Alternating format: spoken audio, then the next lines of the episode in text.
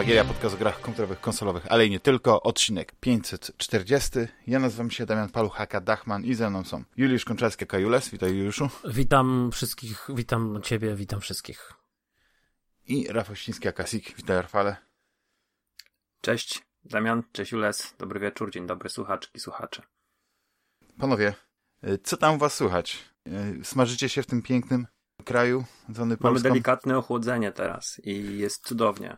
Poprzedni tydzień to, to była wegetacja, to była wegetacja w takich temperaturach e, okropnych afrykańskich e, w betonowych blokach, a, a dzisiaj jest 20 parę stopni, pokrapia deszczyk, dało się żyć i w pracy i, i da się żyć w domu i no widzisz, ja bym chciał tutaj właśnie troszeczkę takiego lata, takiego, e, taki, taki smashing na plażing, bo no. chciałbym się wykąpać w morzu, w te sprawy tutaj, no. No ale widzisz właśnie, to jak, nie, jak nie to, to tamto się tak mówi. Tylko nie chciałem już brzydkich słów używać. Yy... Damian, no co u ciebie? No ja nadrabiam zaległości. Wreszcie hmm. mój komputer. Wreszcie yy, posmakowałem grania na innych sprzętach niż tylko niż tylko Amiga. konsole. Nie, nie, nie, na Amidze. na Amidze nie grałem. Nie, uprawiałem przez, przez czas, jak mi komputer padł, tak zwany MacBook Gaming i, i ciężko było, ale powiem tak, że jak to się mówi, człowiek w potrzebie, to, to, to, wszystko odpali. Chociaż yy, szczerze mówiąc, naprawdę yy, popróbowałem przez kilka ostatnich dni kilka gier. No jedna gra, no to tak, trochę pograłem, nawet się wciągnąłem, ale później powiedziałeś, że to jest rosyjska gra i już teraz nie można w nie grać, więc okej. Okay. Loop Hero ale bardzo sympatyczna. Ale to bardzo dużo czasu poświęciliśmy w, poprzednich nagraniach, nie wiem, E, kiedy jaka ty ją odkryłeś e, i, i myślę, że nie, nie, ma co nic dodać, nic ująć, chociaż muszę przyznać, że ile bym o niej nie słuchał, to tak dopiero jak w nią zagrałem, to, to, to tak Wiesz o chodzi, nie? Tak, dokładnie. I, y, I ten element karciany w cudzysłowie jest trochę inny niż sobie wyobrażałem, ale mimo wszystko y, y, jest ciekawy i muszę przyznać, że jest coś takiego, że, że to zarządzanie pętlą, które tak bardzo Juliusz uwielbia.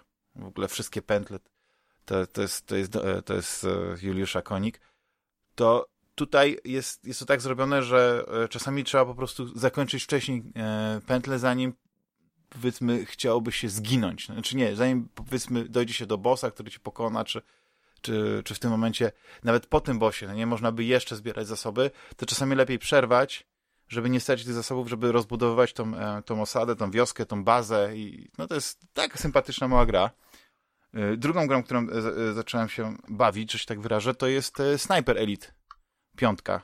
I, mhm. i pytanie, czy wy próbowaliście w coś? Nie, już ty odpalałeś Snipera?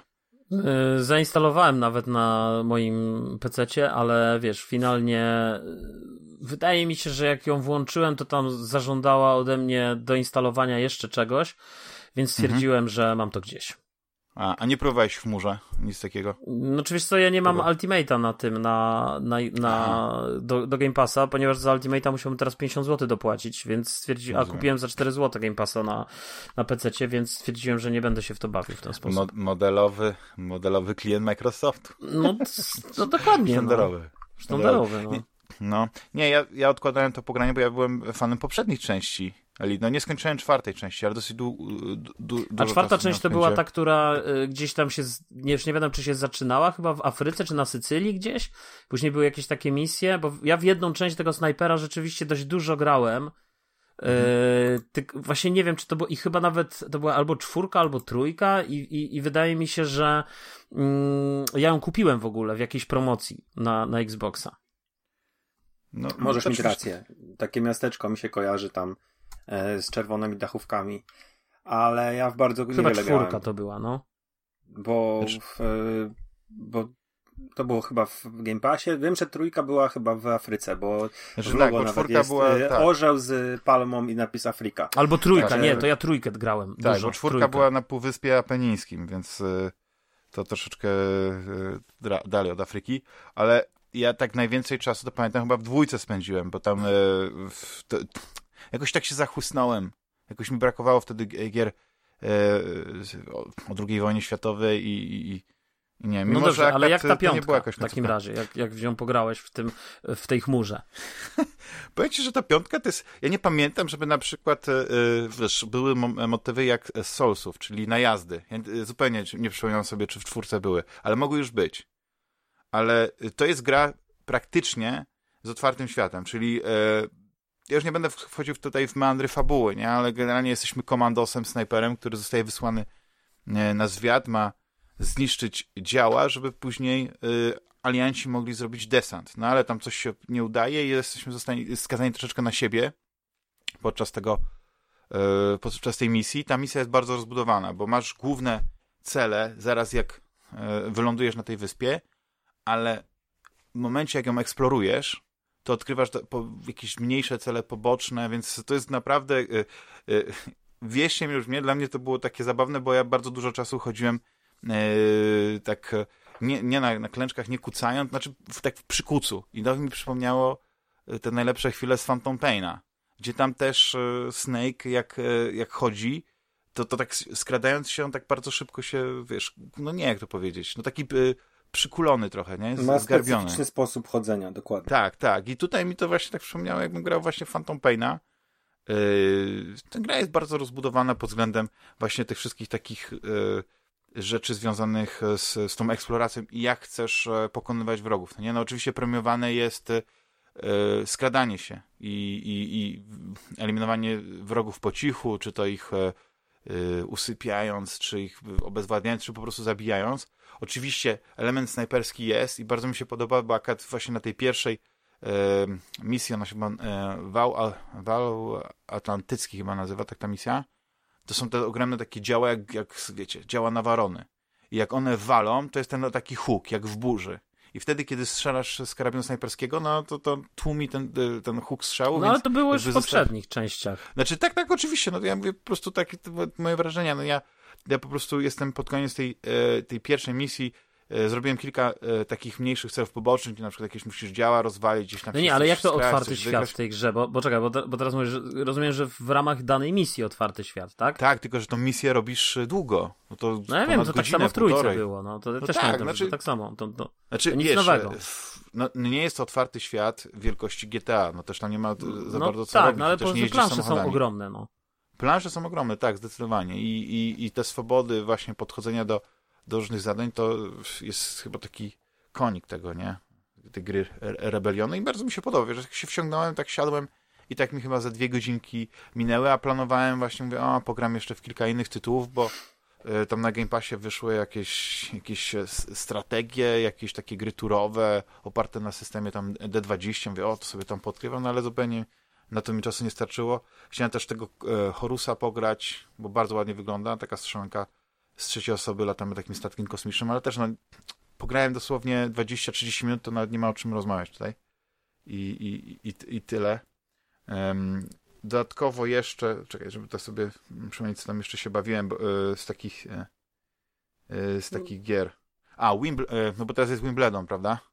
Mhm. Wiecie. Tak. Tak. Niestety Iga nasza odpadła. Odpadła. Oglądałem ten mecz i ja zawsze mam takie wrażenie, że jak, jak oglądam mecz czy naszej reprezentacji, czy właśnie jakiejś naszej gwiazdy tenisa, to, To tak odpadają. przenoszę pecha jakoś tak mentalnie, więc nie wiem, powinien po prostu poznać wynik i później sobie obejrzeć ten mecz z powtórki. Wtedy by na pewno Iga... Znaczy, to, może, może to, to przynosi im pecha, może w ogóle nie oglądaj sportu. No właśnie, no nie Albo mogę oglądać na żywo. przypisujesz, albo przypisujesz sobie zbyt wiele, no. Damian, trochę skromności. Po- No mogę, bo- może powinienem kibicować Trochę teraz więcej przeciwnikom. No. Mhm. Zdecydowanie. Ale na, na, y, na Game Passie pojawiła się gra Matchpoint. Wow. która jest e, bardzo ciekawym takim, e, no ja bym powiedział symulatorem tenisa, bo e, wiecie, ja pograłem trochę w tenisa, jak to się mówi, tego Wii sportowego, nawet A pograłem w myślałem tenisa tak jak wiesz... Jak Jules, tak, Jules, na na wszystkie korty warszawskie, to, to ty masz wszystkie korty. A, czy cegła, czy trawa, czy, czy asfalt, to, Mm. to Juliusz jest królem kortów. Ja wiem, nie, nie, ja to jestem, wiesz, ja miałem drewnianą rakietę tenisową, pewnie jak pierwsza rakieta Fibaka, nie, ale to były lata wczesne 90. i to Myślałem, chyba że, ja mam swój kort, ale Nie, myślałem, że powiesz- jakieś Ja, drewnianą ja, rakietą. myśla, ja myślałem, że powiesz, że jak ja dostałem, że jak ty dostałeś pierwszą rakietę tenisową, to Jules odbierał pierwszy puchar. Być może tak było. Być może. Niewykluczone. Ale nie, nie, to tak... Y, ale wracając do tego matchpointu, y, bo mm, y, to jest... Pierwszy raz spotkałem się Ale dobre grą... to jest, czy dziadostwo? Wiesz co, to jest gra, która... Znaczy, jest ciekawe, Mario bo, Tennis bo... lepsze czy gorsze? Mm. Mario Tennis prawdopodobnie jest lepsze, jeśli chcesz sobie po prostu popykać. Wiesz, tak no Mario Tennis piłeczkę. jest super, ja muszę powiedzieć. No jest, tak. Ja Są fajne motywy, jest bardzo arkadowe. Mario, jakie kojarzę. To jest dość trudna gra, ten Mario Tennis. Tam są tacy, bo tam jest jeszcze cała, cała kampania, cała fabuła i, i ja czasem właśnie jak są te wszystkie turnieje, no, to ja wracam do Mario Tennis i próbuję tego jednego bossa przejść i ciągle nie mogę, no. No właśnie. Nie, no to tutaj masz... Ale tego nie ma na PC, tak? To jest, tylko na, to jest tylko na konsoli, rozumiem. Znaczy ja to odpaliłem na konsoli, ale nie, nie wiem. Na PC tylko w chmurze jest... pewnie. Jest, jest, widzę Microsoft no. Windows, więc może, może A, być na PC. Tak, to może nie, nie wiem, ten, A dobra, wiem, jest. Widzę, że jest. Mamy to. Mamy to. Już ściągam. Znaczy nie teraz, ale ściągnę potem. No, ale to jest, to jest gra nie no, 6 giga to zajmuje, wszystkim... to jest jakiś joke. No mówię ci, że to jest mała gra. Y, ona ma, ja nie ale wiem to... jak ona ma licencję, bo, bo jest kilka nazwisk. Z Polaków jest e, e, Hurkacz, z, tam z, z innych znanych nazwisk na przykład jest Azarenka, ale tak reszty nazwisk też tak nie, nie poznałem za bardzo, bo, bo i tam Rafaela Nadala nie widziałem, więc nie wiem, jaka to, że jest, to jest na gra, zasadzie to... która zebrała mm, tych, ten, chociaż Hurkacz jest gdzieś w okolicach dziesiątego miejsca, to, to nie jest może tak jakoś bardzo nisko, ale, ale generalnie podejrzewam, że on tam pełni rolę w tej grze taką, jak nadal by pełnił w normalnej grze. Być może, być może, jest gwiazdą tej gry, tak.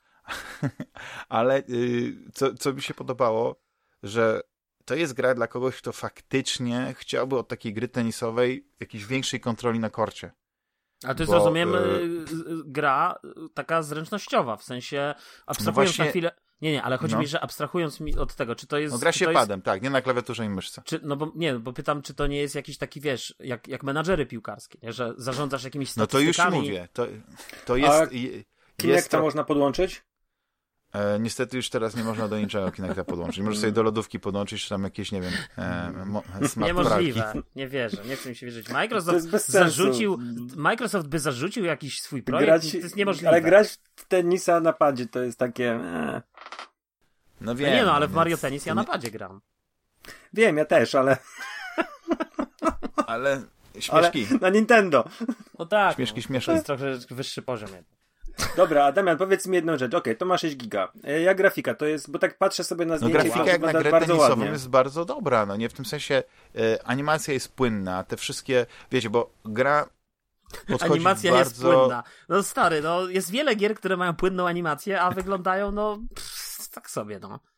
Ale to nie dobrze to... wygląda. Nie, bo chodzi mi o to, że, że chodzi mi o to, że że wow. nie wiem, czy tam wykorzystali jakiś motion capture, wiesz, czy tam byli specjaliści od Wiedźmina, którzy y, robili te ruchy, czy na przykład filmowali właśnie hurkacza jak gra i żeby te wszystkie jego świetne ruchy oddać na korcie. Tak jak na przykład na Fifie, wiesz, można sobie grać FIFA tak, że sobie podajesz dwoma przyciskami albo nad jednym przyciskiem możesz Chyba jest tak taki prosty tryb, no.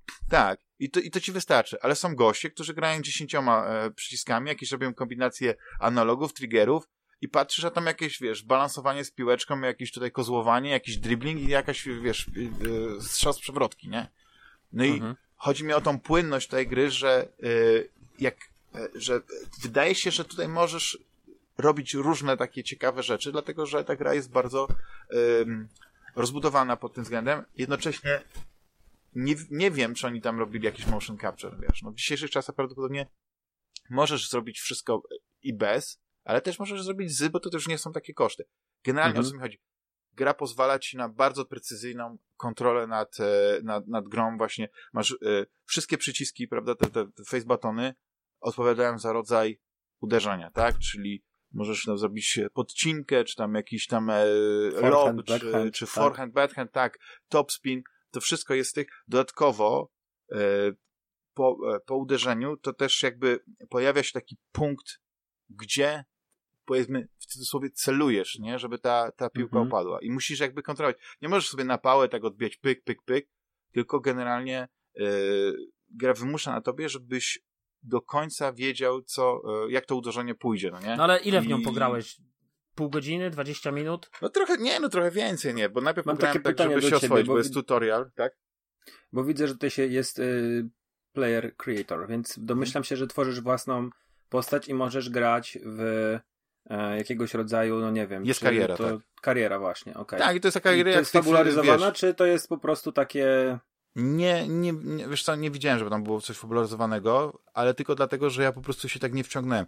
Jest to tak zrobione trochę jak w tych, y, wiesz, Formułach 1, te, te tryby kariery, czyli nie, nie masz całych mhm. wyścigów, tylko, wiesz, możesz sobie, sobie roze, możesz rozegrać szybki mecz i y, ja, powiedzmy, zrobiłem taki właśnie, y, y taki y, Battle of Sexes i Hurkacz kontra Azarenka i Zarenka po prostu, nie wiem, czy to jest komputer taki, na takim poziomie gra, ale rozniosła mnie. Tu przegrałem tam 6 do 0, wiesz, to mam jeden koset był, nie? I e, praktycznie cały mecz trwał, nie wiem, może 10 minut. Więc e, no, dominacja totalna. No ale wiesz, no ja, ja zakładam, tenisa. że jednak, y, no nie chcesz powiedzieć jak długo grałeś, ale coś czuję, że raczej nie zbyt długo. No nie, no chciałem ci właśnie powiedzieć, że, e, że tutorial jest dosyć e, taki wiesz, zajmujący, ale nie jest długi, nie? Tam chyba możesz go w 10 minut zrobić. No i później pograłem parę meczów takich szybkich, no i później wszedłem w ten tryb kariery. I tryb kariery polega na tym, że na przykład masz, e, nie wiem, ostatni set, y, ostatni gem, y, a już może nawet tiebreak, nie? I rozgrywasz tylko tą końcówkę. I te, i, i te, i te karierowe mecze. Ale przez całą karierę, tak?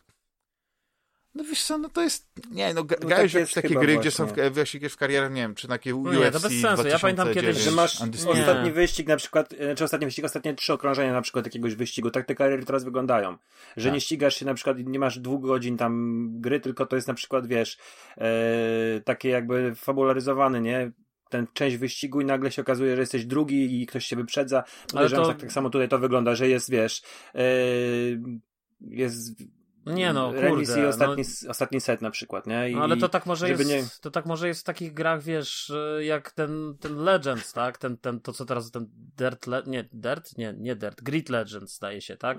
To... Nie, raczej to jest, mówię o Formule 1 teraz. Aha, tak, Formule 1, no właśnie. znaleźć no, jakiś to... taki sweet spot, że się tak wyrażę, żeby tą karierę nie, nie zrobić, żeby ta kariera trwała jeden do jednego, jak prawdziwa kariera. No nie, ale właśnie ja zawsze, kurczę, ale to mi się też nie podoba, wiesz, no, to ja rzucę tu, wrzucę swoje trzy grosze, bo mi się właśnie najbardziej zawsze podobała taka kariera i w tych grach sportowych, które ja lubiłem właśnie długo grać, bo gry sportowe to nie są gry, że zagrasz trzy mecze i już opanowałeś całą grę, tylko właśnie musisz naprawdę dużo pograć.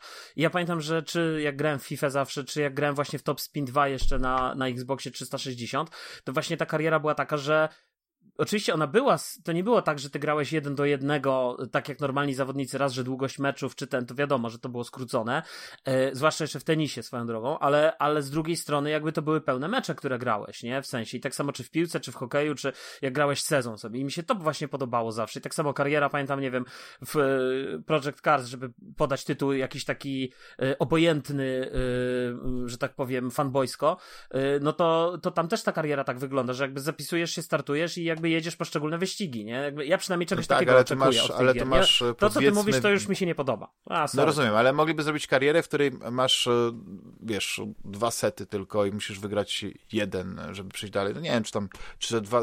Może tenis dwa, nie jest po prostu dobrym tematem do, do, do takich karier, czy do takiej gry, bo generalnie te mecze w tenisie nie, to, to może być długa gra, wiesz, chodzi o to, że to, tak, niż, to jest długa niż, gra. Na przykład wiesz. w piłce nożnej nie, nie rozgrywasz 90 minut. Nie, no jasne, rozgrywasz 4 minuty, tak? Ale tego nie no. czujesz, bo piłka nożna to są dwie połowy, więc możesz grać dwa razy po 4 minuty, nie odczujesz tego zupełnie. A w tenisie możesz grać 10 minut, a być dopiero w połowie drugiego setu, który jeszcze nie no mówi wiesz, o no, tym, właśnie, do, Dokładnie, dokładnie. Szczególnie, że niektóre mecze to potrafią trwać właśnie ze względu na to, że to jest tak bardzo jest trudno gdzieś coś tam przełamać, nie? Tam Ale wiesz, może to jest też bardzo trudno przełamać, bo jakbyś pograł 40 godzin, to by było łatwo, nie? Wiesz o co mi Nie, chodzi? to jest, no to też jest pewne. No jak, jak już od, masz jakiś poziom i dominujesz, no to tylko, że sobie wtedy zwiększasz, nie? Ja tylko mówię o pierwszym doświadczeniu tutaj, bo wiecie, to jest ten czas w roku, kiedy mamy Wimbledon i to jest e, takie święto. Ja, ja nie oglądam ani Australian Open, ani Roland Garros, ani innych tam e, US Open. Oglądam Wimbledon i to, i to już tak mi zostało, odkąd y, pamiętam chyba taki pięciogodzinny, czy prawie odkąd pięciogodzinny. Dziarek cię zabrał na pierwszy Wimbledon. Nie, taki finał, finał wiele lat temu, nie wiem, Pod tak, stadion pewnie z dekadę. Rafael Nadal z Federerem. To było piękne starcie i ono chyba trwało właśnie 5 godzin. I ci panowie zostawili po prostu wszystko, krew, pod łzy na tym korcie. Znaczy, ja na przykład nie przepadam za męskim tenisem, bo ja wolę kobiecy, bo, bo męski jest taki siłowy, mało. Okej, okay, no czasem są te wymiany piłek, ale wiesz, ale, ale kobiecy jest delikatniejszy, jest dużo bardziej techniczny, wydaje mi się, i dużo przyjemniejszy do oglądania. Poza tym kobiecy tenis to są zawsze dwa set, do trzech setów się gra, a w męskim do, do trzech setów tylko w wielkoszlemowych turniejach, w tych mniejszej rangi mężczyźni grają też do trzech setów do wygrania, więc wiesz, to też jest tak taka tam. I tak jak mówisz, w tym męskim rzeczywiście te, te, to potrafi trwać. No, był jakiś, teraz zresztą jakiś czas temu, jakiś mecz, który trwał chyba z 8 godzin. Mhm. Oczywiście z no, przerwą, to jest taka ale...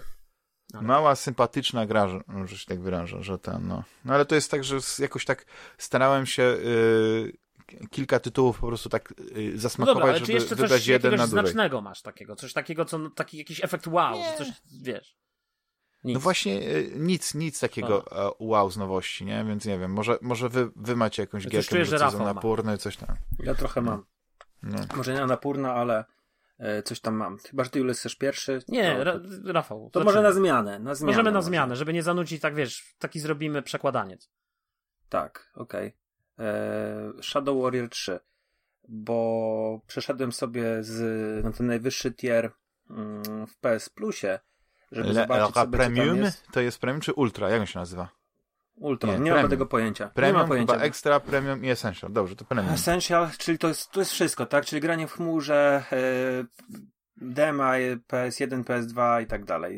I, I Shadow Warrior wypadał, bo on był, o ile dobrze kojarzę, w PlayStation Now jako gra premierowo i yy, to przejście na, na zniknięcie PlayStation Now no jakoś tam pozmieniało tyle, że był tylko chyba tydzień czy coś takiego, czy dwa może, yy, dostępny w, w, subskrypcji, więc bardzo chętnie sobie go sprawdziłem. Yy, I ja ominąłem dwójkę i w jedynkę grałem. W ogóle to jest, jeżeli ktoś nie wie, co to jest Shadow Warrior, to jest no gra no polskiego studia e, Flying Wild Hog, która e, miała premierę, ta, ta pierwsza, ta trzecia część miała premierę w 2022 w marcu. Natomiast chyba ta pierwsza... I przeszła bez echa 2000... trochę, nie? Wiesz co, mm, ja, u mnie było tak dosyć w miarę na tym, na moim powiedzmy socialach ja to widziałem, że ludzie w to grali e, i im więcej osób przechodziło na, e, na PS Plusa, na tą, tą, tą, tą no, no, nową E, wersję, to rzeczywiście orientowali się, że to zaraz wypada i grało, więc sporo osób w moje, z, mojego, z mojego tam małego świadka twitterowego wbijało tam platynę i ja też stwierdziłem, że chcę to sprawdzić. Szczególnie, że pierwszy Shadow Warrior, ten zremakeowany z 2013 roku mi przypadł do gustu. To jest strzelanka z pierwszej osoby i e, pierwszą część w 1997 roku zrobiło Free the Realm, e, a później w 2013 remakeował to właśnie Flying Wild Hog jest to strzelanka z pierwszej osoby, taka bardziej skillowa, mm, z hordami przeciwników, trochę przypominająca może Painkillera, z bardzo fajnym, moim zdaniem, bohaterem, który rzuca tekstami E, jakby żywcem wyciągniętymi z e, kina klasy B lat 80. Hongkong i, i te sprawy. Czyli trochę mamy... się oberwało e, znaczy twórcom za, za to, że on już jest taki, wiesz, że, te, że one są te dowcipy, tak, niskich lotów, Wang. no nie, low mhm. i tak dalej. I, i e... trochę mi się wydaje, że też ta druga część to dostała takim obuchem, mimo że była ciekawa i właśnie zastanawiam się, jak to wypadło w trzeciej części. Czy oni pierwsze złagodzili ten język? Ominąłem drugą część i w porównaniu z jedynką to mamy 9 lat różnicy, Shadow Warrior 3 jest lżejszy. Jest dużo takich nawiązań do popkultury, ale nie ma yy, seksistowskich dowcipów. No są jakieś takie niewielkie, niewielkie, ale to są raczej właśnie stonowane, to jest raczej nie ma, znaczy raczej suchare niż takie naprawdę seksistowskie żarty. Mm, I trochę się zmienił charakter samej gry, bo o ile mówię, tamto było takim skillowym shooterem, gdzie się e, pokonywało hordy wrogów, żonglując e, z całkiem sporym arsenałem i poziomy były tak skonstruowane, że fajnie było szukać znajdziek, nie? Tam to było takie, część gameplayu było po prostu eksploracja i, i próba wskoczenia, gdzieś dostania się, znalezienia przejścia, e, ob, obwąchania każdego kątu, mm, kąta, to tutaj mamy mm, bieganie, skakanie i dopiero strzelanie, czyli mamy taki bardziej e, jak Ghost Runner. Wiesz co, nie, raczej, raczej ja bym to porównał do nowego Quake'a, e, Quake Eternal, e, Quake, Doom Eternal, przepraszam, do Duma, do Doom Eternal. Czyli taka bardzo e, dynamiczna gra, dużo takiej walki z warcią, tak. nie, po co, nie, że to, no, no. no. przy, przy konkretnych atakach, które zadajemy, wypadają konkretne tam orby, które nam y, uzupełniają właśnie, czy to życie, czy to tam amunicję. amunicję. Mm, I mamy dużo tego skakania. Mamy taką linkę właśnie, którą, którą się wystrzeliwuje z nadgarstka i dzięki temu możemy albo przyciągać wrogów, albo możemy e, ich... No to znowu jak Halo Infinite. Okej, okay, tego nie, nie wiedziałem, bo nie grałem w to Halo, ale też możemy się gdzieś tam przesuwać po planszy, pod, podciągać pod różne miejsca. Są to areny raczej, czyli mamy E, mamy sekcje zręcznościowe, gdzie musimy sobie skakać po jakichś tam platformach, bo to wszystko dzieje się w jakiejś takiej fantastycznej krainie, częściowo się dzieje nawet na takim wielkim smoku. Um, I więc tam musimy sobie skakać między jednym a drugim miejscem po jakichś lasach, po drzewach i tak dalej, e, po skałach. E, później dochodzimy do areny, na której musimy pokonać jakieś tam kilka fal wrogów i znowu idziemy dalej eksplorować. Oczywiście jest ten element szukania znajdziek, e, ale generalnie gra jest e, bardzo liniowa i, i ciężko, ciężko naprawdę nie wbić tam platyny, bo platynę dostaje się po prostu za wykonywanie pewnych zadań związanych z mordowaniem przeciwników, czyli tam musimy zabić ileś tam takich przeciwników, ileś tam takich, użyć jakichś tam specjalnych ataków. E, każdego przeciwnika, bo nabijamy sobie taki powiedzmy mm, furię, nie? Załóżmy to tak nazwijmy, ja nie pamiętam jak się nazywa w samej grze. I dzięki temu możemy wykonać specjalny atak, tak jak zresztą w e, Dumie, e, czyli odebrać jakiegoś tam rodzaju broń e, naszemu przeciwnikowi i dzięki temu możemy, no nie wiem, właśnie zadawać jakieś potężne ataki. W przypadku takich zwykłych, najcieńszych przeciwników to jest po prostu urwanie głowy i uzupełnienie sobie życia, w przypadku już takich większych to jest wyrwanie im coś z wnętrzności i, i to będzie, nie wiem, granat jakiegoś rodzaju, czy urwanie e, ręki i, i zrobienie z tego maczugi. No, generalnie e, jest to po prostu bardzo, bardzo prosta tak ale, ale z tego, mówisz... rozrywka, ale bardzo wciągająca, z fajną muzyką, bardzo ładnie mhm. wyglądająca.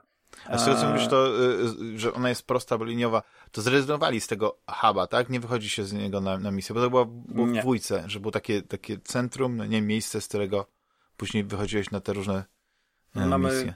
Mamy, to jest bezpośrednia kontynuacja dwójki, z tego co zrozumiałem, aczkolwiek gdzieś tam po drodze no zgubiłem wątek, no bo, bo tam podejrzewam działo się całkiem sporo e, z Lołęgiem i, i, i z tym gościem, który tam się nazywa Zilla, E, więc e, tutaj mamy bez, bezpośrednią kontynuację. E, musi powiedzmy odzyskać swojego tego takiego ducha, który tam mu towarzyszył i z którym prowadził dialogi, ożywić go w jakiś tam sposób, bo coś tam się z nim stało i pokonać takiego wielkiego smoka, po którym no jest, tak, jest, jest tak olbrzymia bestia, po, że się po niej biega. I mm, to jest gra naprawdę na weekend, bo ja tak ją skończyłem. Ja naprawdę platyny nie starałem się wbijać, ale po skończonej grze okazało się, że tak naprawdę brakuje mi ze trzech znajdziek, które w pół godziny zdobyłem i, i to było tyle. E, fajna rozrywka, taka weekendowa. Może to jest kwestia tego, że tej grze było cicho, bo ona jest dosyć mała. Mm, że to jest, wiesz, gra na powiedzmy 8 godzin. Może nawet trochę mniej jeżeli się sobie dobrze radzisz i, grasz na średnim poziomie trudności, bo może oczywiście sobie podwyższyć poziom trudności i wtedy będzie dla ciebie ta gra bardziej wymagająca. Ale ja sobie grałem na normalu i, i to było. Mhm. No, a ta katana, bo jest, jest katana, nie? W tym... Jest katana, jest miecz. Jak się jest nią miecz, fajnie, jest... fajnie się nią, masz taką satysfakcję, że mógłbyś na przykład, nie wiem, więcej tą kataną sięgać niż, niż strzelać, czy to jest tak zrobione, że ma w jednej ręce pistolet, w drugiej y, katanę, czy coś w tym stylu i, nie, i to jest taki zmiana mix. niestety. Nie ma czegoś takiego, że wiesz, że mamy na przykład Uzi i katanę, nie? E, mamy rewolwer, mamy katanę jako podstawową broń, którą możemy obcinać tam kończyny. E, mamy takie pchnięcie energii, które potrafi wepchnąć przeciw, odepchnąć przeciwników, ale też wepchnąć na przykład na kolce, które gdzieś tam wyrastają i, i oni są wtedy ponabijani. Mm, I później mamy tak, rewolwer, sześciostrzałowiec, który, który tam w, na przestrzeni leveli zdobywamy oczywiście punkty, orby, które, które levelują naszą postać, albo mogą levelować e, broń. I to są te znajdźki tak naprawdę. To, to jest kwestia tego, że na każdej planszy jest ukryte kilka takich orbów, e, kul, które albo podwyższają nasze statystyki, dzięki czemu możemy, nie wiem, mieć więcej życia, możemy mieć więcej tej energii odpychającej, możemy generować więcej tych takich mm, jakichś takich przedmiotów, które wybuchają albo zamrażają, bo to też y, my to jakoś, jakieś zabijając chyba przeciwników to się generuje. Nie, nie zbadałem jeszcze tak specjalnie tego mechanizmu, albo możemy wrzucać te, te umiejętności, te, te kule w broń i te, to każdą broń można rozwinąć właśnie na mm, do, powiedzmy do czterech, e, do czwartego stopnia. Mm, mamy shotguna, mamy dwa Uzi, później mamy e, co tam jeszcze było? Mm, patrz, grałem w to weekend temu, w zeszłym tygodniu i nie pamiętam. E, granatnik i o, ho, ho, ho, taki, taka, taka broń ala railgun, coś takiego. Także nie jest to wielki arsenał, ale myślę, mnie się wydaje, że, że daje satysfakcję, fajnie się w to gra i e, jeszcze coś tam było na samym końcu. Teraz e, wyrzutnia shurikenów, czyli taka powiedzmy taki repertuar dosyć klasyczny. Trochę mi się kojarzył właśnie z brońmi mm, z jedynki oczywiście też, ale też z Unreal Tournament, z tego pierwszego. Tak. Ale w sumie ciekawi... bronie miały podobny feeling. Odpowiadając na twoje pytanie, Katana nie ma jakiegoś genialnego feelingu. Aha. To nie jest tak, że... Um, że Ostatnia dobra gra z Kataną to jest Red Steel 2 na Wii. Niestety. No, albo, albo Dead Island z sterowaniem na gałkach analogowych, gdzie tam rzeczywiście musiałeś robić gałką wymach i tak. e, symulować ruch e, ręki. To było całkiem fajne i satysfakcjonujące. Mhm. Ale wiesz, co mnie zaciekawiło, że generalnie chyba ci się ten gameplay podobał. Tak uznałem, że był no bo ja lubię, satysfakcjonujący. Ja lubię i Duma, i Duma Eternal. Tak. I uważam, że Doom Eternal, ty wiem, że byłeś e, sceptyczny do tej gry. Ja uważam, że to jest bardzo dobry sequel i bardzo dobra gra, e, która rzeczywiście wzbogaciła trochę tą rozrywkę i zrobiła z tej, z tej gry taką trochę platformówkę 3D tam ten sposób nagrania jest taki, a nie inny, że trzeba kombinować nie tylko biegając po arenie, ale też skacząc i, i dostając mm. się w te różne miejsca. E, ale więc... temat i oprawa ma dla ciebie znaczenie, nie? Że, że... Jasne, że tak. Że ja wiesz, że ja lubię wschód, wiecie, że ja no. lubię kino Hongkong, lubię takie Big Trouble in Little klimaty. China. Tak, albo Świetny Duży film. Poker w Małym Tokio. Również. Tak, się, tak się nazywa ten polski ten tytuł? Nie, bo y, mówimy o dwóch różnych filmach. Aha, okej. Okay. Nie wiem, bo wiesz, tłumaczenie polskie może takie być. A, ale wiesz co, bo się zastanawiałem, bo ten gameplay, on jest teraz modny, jeśli chodzi o strzelanki, żeby one były takie bardziej angażujące. I, I ten Witchfire, na który chyba ty nie czekasz, właśnie tak Nie, no będzie, no czekam, więc... tylko że ten set trailer, nie, wiesz, ten trailer nie Aha. zrobił na mnie jakiegoś wielkiego wrażenia, bo trailer, ja, ja, ja tą grę czekam od ogłoszenia i pokazania pierwszego tego takiego teasera, gdzie Aha. na początku wszyscy myśleli, że to jest Walking Sim i nagle wchodzi muzyka, jest potwór się pojawia i jest strzelanka. Mhm. Ja czekam na Witchfire'a. Jestem wiernym fanem o y, chmielarza od czasu tajemnicy statuetki. E, moją jedną z ulubionych gier generacji PS3 Xbox 360 jest Bulletstorm. Ja się odnajduję w Shadow Warriorze bardzo dobrze. Jak jest na szczęście druga część, ja sobie ją nadrobię. E, w, Może ci zaskoczyć różnica e, te, te, tego wielkości gry i, i i koncepcji, bo ta koncepcja jest totalnie właśnie taka inna. Ona, ona weszła w tą modę, bo był taki też moment, że wszystkie te gry, tylko nie wiem, właśnie wydawało mi się, że przed 2016, kiedy dwójka wyszła, że wszystkie gry musiały mieć jakiegoś huba, takie centralne miejsce, z którego się później gdzieś wychodziło na te misje i tam się gadało z jakimiś było ludźmi. Było coś takiego. A, i to było w Wolfensteinie tym nowym i w tym Wolfensteinie starym, tak. tym tak, ty jeszcze z PS3. Wolfenstein to miał, masz rację. Tak, że i... była jakaś baza, która tam mieliśmy e, spanie, trochę chodzenia, eksploracja, później jakiś atak, rzeczywiście to, to było to. Tak, tak, e, tak. ale tak, mimo wszystko, wiesz co, bardzo chętnie zagram, e, bo dla mnie jedynka, mimo że to jest stara gra, ja w nią wygrałem powiedzmy dwa lata temu na, na PlayStation 4, nie na oryginalnie jak ona wyszła chyba na PlayStation 3. Mm. I wiesz co, ja się, do, ja się dobrze bawiłem. To była naprawdę fajna rozrywka, taka bez... Y bez kompleksów żadnych, nie, nie, udawająca, e, nie udawająca czegokolwiek innego niż czym, to, czym jest. Po prostu to była strzelanka z hordami wrogów, gdzie e, liczył się tylko twój pomysł na to, jaką broń wybrać i jak, jak w jaki sposób tam rozwalić, wiesz, e, kolejne zastępy. Mhm. Mm. A w ogóle jeśli chodzi o boomer shootery, to bo ty pamiętasz pierwszego tego z lat 90. Shadow Warriora? Nie miałem go nigdy u siebie, nie, nie, nie miałem go taki, na To był taki Duke.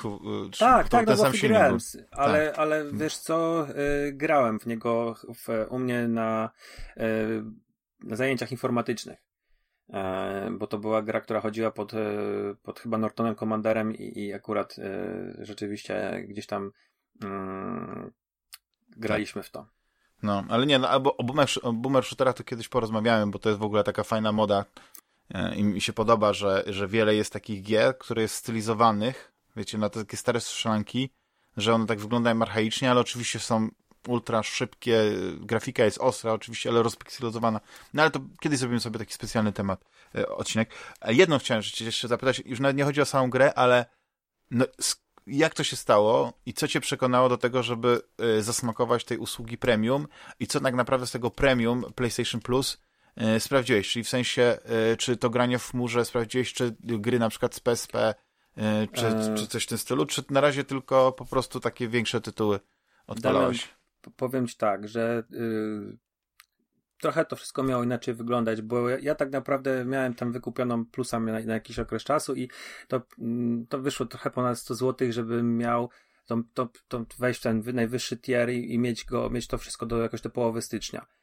E, ja to zrobiłem pod podcast, ja przyznam się szczerze, że ja sobie mm. to wyobraziłem, że ja e, posprawdzam to wszystko, sprawdzę te wersje na PS3, sprawdzę chmurę, wiesz, sprawdzę y, PS1, PS2 i tutaj jakąś kompletną recenzję tej usługi e, wam, wam sprzedam. Natomiast e, życie zawodowe i rodzinne tak, tak się poukładało, że ja prawie w ogóle nie miałem czasu grać. W zeszłym tygodniu udało mi się rzeczywiście pograć i, i trochę w, na przestrzeni tygodnia gdzieś tam jakieś dwie godzinki załapać e, może któregoś dnia, ale tak naprawdę sprawdziłem zainstalowałem trzy gry, właśnie Shadow Warriora, e, Returnala i Milesa Moralesa, o którym będę chciał później parę słów powiedzieć, ale w kontekście innej gry.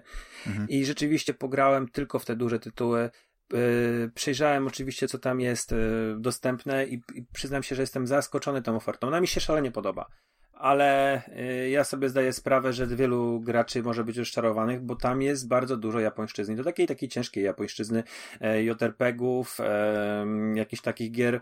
Co ciekawe, nie ma Jakuzy, nie? Ale są takie gry właśnie Disaster Report 4 czy tam 3, albo właśnie ta walka z tymi olbrzymimi mm, pajęczakami spadającymi z kosmosu.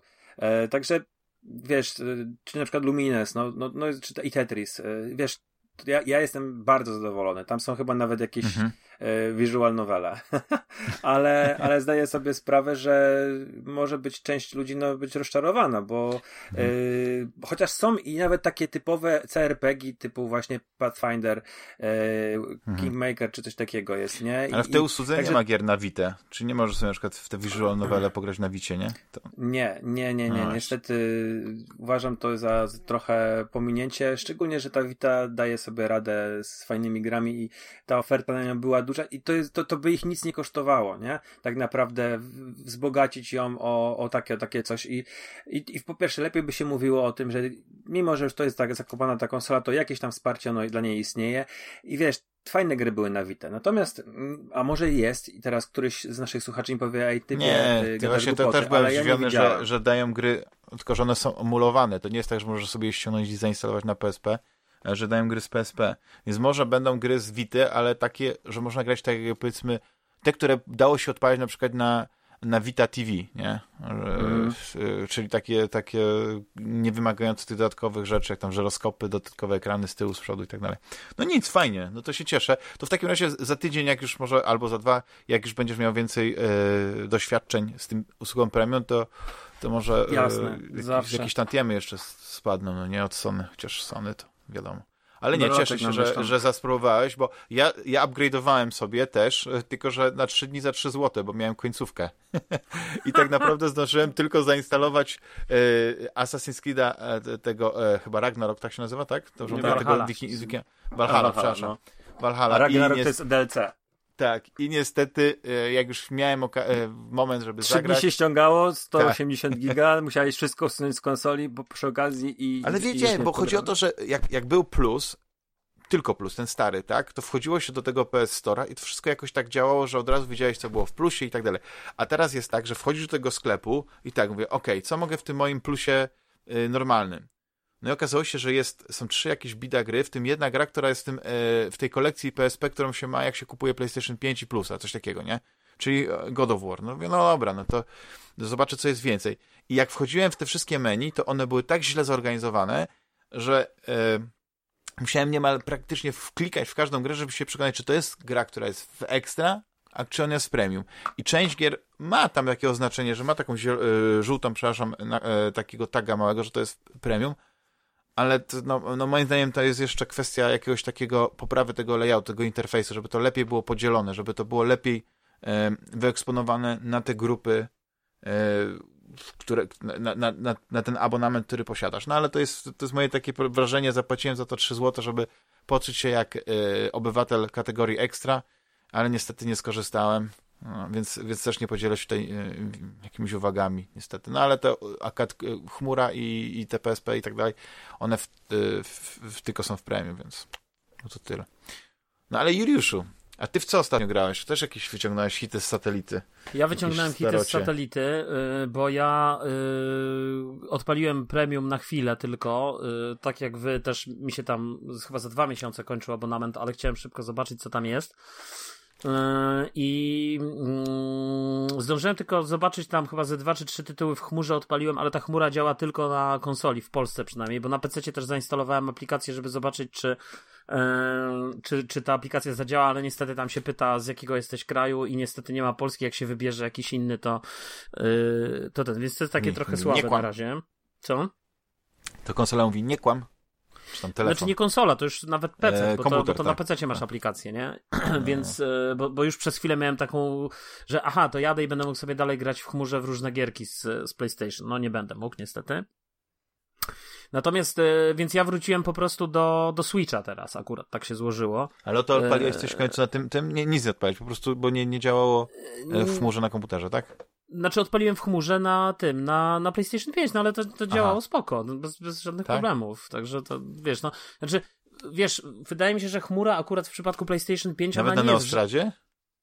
No ja mam Neostradę akurat 1 giga, więc raczej nie mam problemów z internetem i z, i z szybkością łącza, więc jakby ten, ale to nieistotne. W każdym razie w każdym razie, wiesz, e, e, jakby za mało spędziłem czasu z, tym, z tą usługą, wiesz, żeby ten. No czyli, ja, czyli ja... zatizowaliśmy tutaj i w takim razie w następnym odcinku Tak, natomiast ja wiesz, moje, moje pierwsze wrażenia, tak jak tu Rafał mówiłem, się zgodził w, jakby z Rafałem, akurat może nieco do tej oferty gier, tylko wiesz, no ja jakby e, dla człowieka, który nie grał na PlayStation 4, nie posiadał PlayStation 4, no to to jest może gier, no, w, w, do, do zagrania, tak? I, I do sprawdzenia. Już nawet nie mówię tych, z tych poprzednich, wiesz, konsol, nawet te, te, te nowe gry niektóre, no przecież myślę, że taki Returnal zyska drugą młodość, bo ludzie mogli po prostu nie kupić tej gry, bo myśleli, że jest, wiesz... Yy taka czy owaka, a teraz spróbują zagrać i może się okazać, że to jednak jest fajny tytuł. No i tam jest ten multiplayer i jest, no, jest no, dużo fajnych rzeczy teraz, teraz nie? Tak. wiesz, gdzieś tam wrzucony.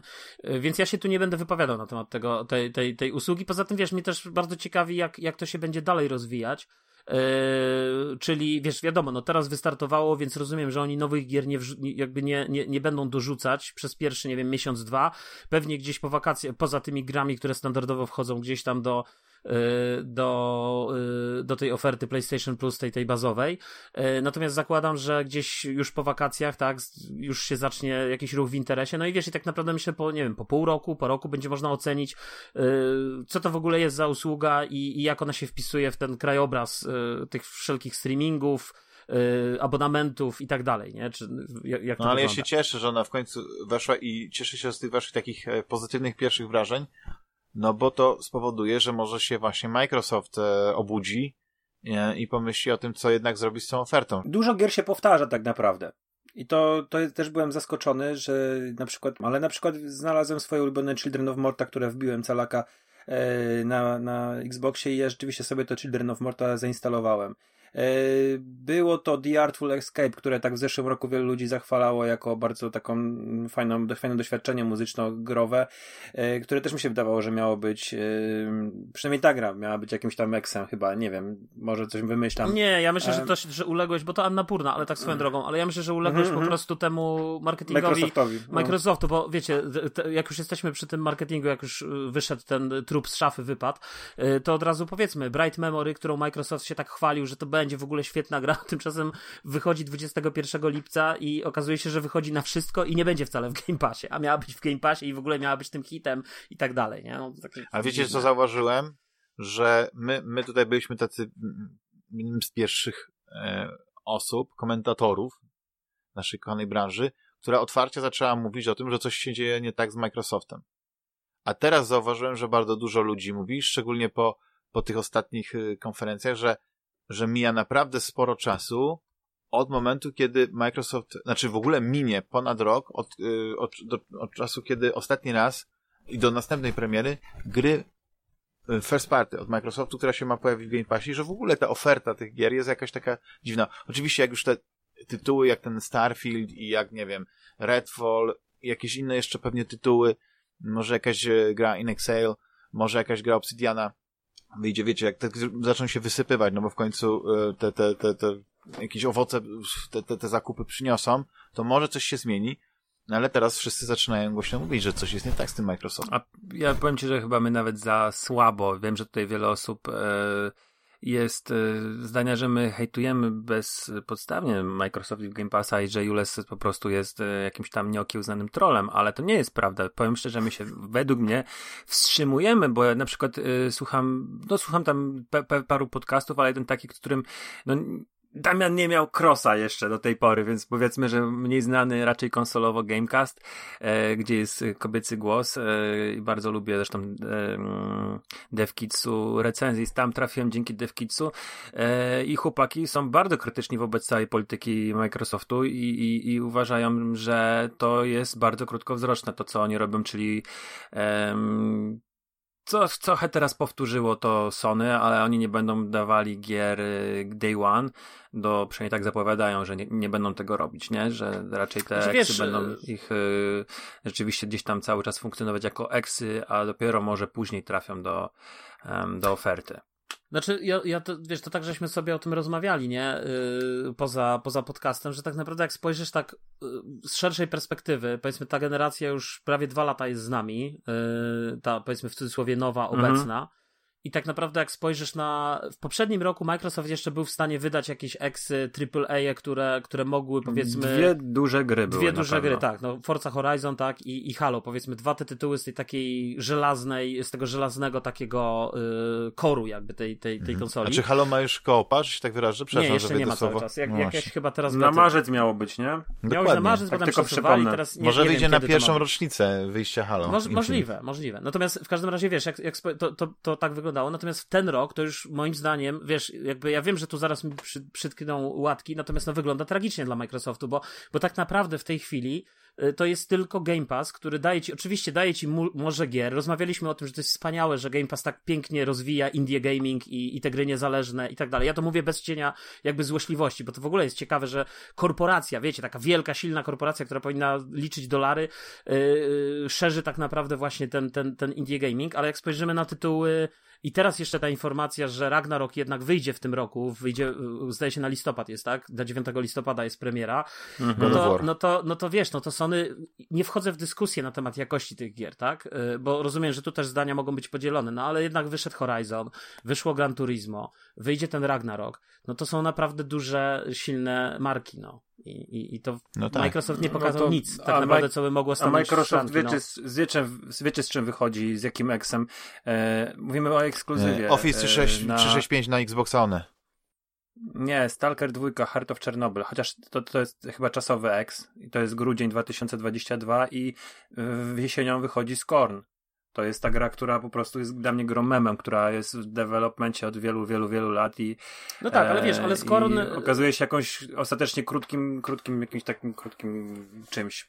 Ja myślę, że skoro to wiesz, to należałoby wrzucić do tego samego worka pewnie, albo jeszcze innego, y, jeszcze niższego, jeszcze bardziej niszowego, jak Returnal, tak? No bo to wydaje mi się, że, że to będzie. Ale nie, wiesz, to Returnal dla... to jest gra skillowa, a to, to podobno no, jest y, walking, walking simulator z pewnymi elementami jakimiś no tam. Więc, no więc mówię, ale że to, wiesz, akcji. bardziej mi chodzi o to, że niszowa, wiesz, niszowa produkcja naprawdę skierowana do bardzo wąskiego mm -hmm. odbiorcy mm -hmm. i tak mhm, mhm. naprawdę w gruncie rzeczy to jest taka gra, w której wow, Beksiński, wow, Geiger, czy tam Giger, Geiger. nie wiem jak się... Wiesz, wow, wow. Geiger to, jest ten, to jest ten wow na chwilę, a potem już będzie, tak jak mówisz, Walking Simulator, czy mi się chce w to grać? Mm, może nie. Warhammer 40 chyba tysięcy Dark Tight. No tak, tylko że wiesz, umówmy się, czy nie jestem na 100% świata... pewien, że to jest yy, też wiem, to może być czasowy. Warhammer wiem, albo w ogóle nie. Sprawa, że gdzie Wiecie, rzucisz kamieniem i prawdopodobieństwo, roku, że trafisz w jakąś grę Warhammera to jest bardzo wysokie, bo tego jest Dokładnie. po prostu na pęczki. I są niektóre prezentują fajny poziom, niektóre są gameplayowo fajne i e, jeżeli ktoś kocha ten świat, to naprawdę on ma, ma fajne życie, bo na przykład z drugiej strony spektrum mamy tych wszystkich fanów Star Warsów, którzy czekają po prostu po kilka lat na grę i często te gry nie są fajne. E, ale właśnie, Warhammer, czy to jest czymś, czy, czy, to jest system seller, czy to jest game changer jakiś taki dla, micro, dla, dla, fanów Microsoftu, co sobie mogą Warhammera 40k Dark Tide na sztandar wziąć i mówiąc, mówiąc wiecie, wy macie może Ragnaroka e, od, od Santa Monica, tak, A, ale my, ale my mamy Warhammera 40k e, na 3 miesiące, nie? znaczy, słuchaj, no Deathloopem? No. A co z Deathloopem? Deathloop kończy się ekskluzywność Deathloopa na PlayStation 5. No właśnie, troszkę jest takie dziwne, września, że tego, że, że tego a nie już teraz się mówi, że, że na pewno we wrześniu się nie pojawi, albo przynajmniej na pewno nie w, kiedy się, w dniu, kiedy się kończy ekskluzywność na PlayStation 5. Więc nie wiem, co oni czekają. Oni chcą jakąś wersję deluxe zrobić tego Deathloopa, nie wiem, z jakimiś może dodatkami. Dobudowują, może wiesz, może coś dodadzą do niego, od razu wyjdzie z jakimś DLC, które pewnie będzie, wiesz, nie wiem, do kupienia na Poprawiamy Xboxie albo za darmo, nie wiem. Sztuczną inteligencję przeciwników. Natomiast e, dobrze, wracając na chwilę, już odchodząc od tych tematów, słuchajcie, to ja, u mnie to jest Nintendo przede wszystkim. Chyba, że jeszcze coś chcecie tutaj dodać do, do, do Nie, tego, opowiadaj, opowiadaj o, o Nintendo. No bo... więc ja, ja wróciłem do Nintendo i generalnie no po prostu zawsze mi się nóż w kieszeni otwiera, jak słyszę Damiana, który mówi, że na to Nintendo nic nie wychodzi i tak dalej. Na Nintendo wychodzi od hmm. groma naprawdę świetnych, nie wspaniałych ma gier. gier. No. Co? Nie, no tylko tutaj chcę Nie, wychodzi naprawdę mnóstwo, mnóstwo naprawdę wspaniałych gier. Ja ściągnąłem sobie takie demko y, Live Alive. To jest, to jest jakaś, prze, oczywiście re, remake, nie, y, taki cał, gruntowny remake jakiejś gry oryginalnej, z, y, która chyba nigdy w ogóle na w zachodnim świecie się tak, nie ukazała. Super Nintendo to było tylko tak, w, tak, tak. na Famicona wyszła, Super ta, Famicona. Z tego ja nie chcę o tej grze mówić, ale, ale chodzi o to, że ściągnąłem i ta gra mi przypomniała, bo ona jest zrobiona na tym samym silniku co Octopath Traveler i ta gra mi przypomniała właśnie o tym Octopath of Traveler. Ja się kiedyś od tego Octopatha odbiłem. HD, 2D tak zwane silnik. Coś takiego, takie 2,5D, nie? Bo tam jest niby rozpikselowana No to właśnie grafika. nazywają to HD, 2D, tak okay. nazywają, nazywają okay. to nawet tak, oficjalnie tak, na... Tak, tak, tak. I oni, słuchaj, ja się od tego odbiłem, od tego Octopatha mm, jakiś czas temu, jak jeszcze byłem dumnym posiadaczem Xboxa i kupiłem sobie Switcha, no bo wiesz, nagle ilość tej japońszczyzny na, na Switchu mnie dobiła, zwłaszcza, że przyszedłem ze świata strzelanek FPS-ów i ogólnie y, wybuchy, kabum i tak dalej, nie? Y, mhm. A teraz sobie zagrałem w to Live Alive, strasznie mi się spodobał klimat i w ogóle atmosfera i mówię, wrócę do tego Octopatha, a tak się składa, że ten Octopath jest w ogóle na Game Passie. Więc zacząłem grać na Game Passie na PC-cie, miałem jakieś tam problemy, bo przy okazji ten Game Pass na PC mi się jakoś zblokował, że musiałem jakieś komendy w systemie wpisywać, bo mi się nie chciał w ogóle pobrać i tak dalej, że jakaś w ogóle masakra. Ale finalnie się udało i potem stwierdziłem, że będę grał dalej i ja wiem, że co powiedziałem, że nie kupuję starych gier, ale potem stwierdziłem, w sumie grałbym w to dalej na Game Passie, więc to, że kupiłem teraz na Switcha, to nie znaczy, że złamałem się, bo grałbym, tylko po prostu wolę grać na innym medium. W związku z tym tak Wolisz to się też zarobić Nintendo niż Microsoftowi. Znaczy wiesz, po prostu na Nintendo się zarobiście w tą grę gra, no bo, bo się zarówno można w nią grać, wiesz, na telewizorze, gdzie ona super wygląda, jak, jak i możesz grać ją w tym trybie przenośnym. I po prostu powiem, że ten Octopath, no ja po prostu jestem, ja, brakuje mi słów. To jest tak piękna gra, już w tej chwili mam prawie 20 godzin i to jest po prostu tak fantastyczna gra. Ja się nie mogę od tego oderwać. Fabuła, postacie, y, ten gameplay walki, jakby, wiesz, y, dla mnie to jest taki next step po yy, Mitopii, bo Mitopia generalnie w swoim korze to był właśnie JRPG. Tylko taki, że sterowałeś jedną postacią, a resztą sterował komputer jakby, nie? W trakcie mm -hmm. walki, tak? Natomiast tutaj już jakby, ja oczywiście znam te, wiesz, te JRPG i tak dalej, przegrałem w Personę 5, ale y, y, jeszcze na PlayStation 5, wiesz, y, to, to co tam było w, tym, w tej kolekcji klasyki, też mi się to podobało, ale fabuła finalnie mnie tak nie wciągała. Ale tutaj fabuła, słuchajcie, te postacie, te historie. I, I jeszcze jest jedna rzecz, która jest niesamowita w ogóle, że ta gra dla mnie zawiera taki idealny balans. Są dialogi, jest dużo, do, jest, dużo się mówi, ale to jest takie w punkt. To jest taki złoty środek, żeby nie, prze, nie przedobrzyć w jedną czy w drugą stronę. Mówię z mojej perspektywy, dla mnie. Po prostu perfekcja. Uwie... No, jestem oczarowany tą grą, wiesz, te, te, jakieś postaci, które tam się spotyka, w ogóle historię tych postaci, wiesz, tam jest jakiś taki yy, yy, jeden z takich magów, który trochę mogę zaspoilować, nie? który tam zostaje wyrzucony spoiluj, spoiluj. Z, wyrzucony, wiesz, z tego, z, z tej swojej, yy, bo on tam jest takim nauczycielem, powiedzmy, gdzieś tam na jakimś dworze i zostaje w końcu wywalony, bo tam jest intryga taka, że niby yy, kogoś uwiódł, czy coś, co jest nieprawdą, a potem w ogóle to jest tak powiedziane, że to jest gość, który ma taki problem, że on czasem jak, się, jak rozmawia z ludźmi, to właśnie tak niech, mimochodem rzucając komplementy, wcale nie jest żadnym lovelasem, ale druga strona może to odebrać jakby, ale to jest naprawdę scenariusz jest świetnie napisany, strasznie mi się podoba yy, i, i w ogóle te, mówię, no, no, no te postacie, wiesz, to, ja się tak z nimi zżyłem. Moja córka siedzi ze mną, słuchajcie, i, i ogląda jak ja w to gram i po prostu tam wymyślamy swoje przezwiska dla tych niektórych postaci, kogo wyrzucić z drużyny, kogo wrzucić, nie? Bo to jest jakby osiem historii i możesz sobie dowolny sposób je gdzieś tam tak. kontynuować, do tego są jakieś poboczne wątki, tego, tego jest mnóstwo, tego jest od groma, bo ja tak naprawdę mimo tych 20 godzin, to ja mam wrażenie, dopiero zrobiłem wszystkie rozdziały pierwsze dla każdej postaci i tak naprawdę dwa drugie rozdziały dla, dwu, dla dwóch, teraz będę grał e, mhm. jakby w kolejne, ale Kurde, ale nie wiem, zadajcie mi jakieś pytanie, zadajcie Dam ci zaraz parę pytań, bo ja też mam całkiem sporo...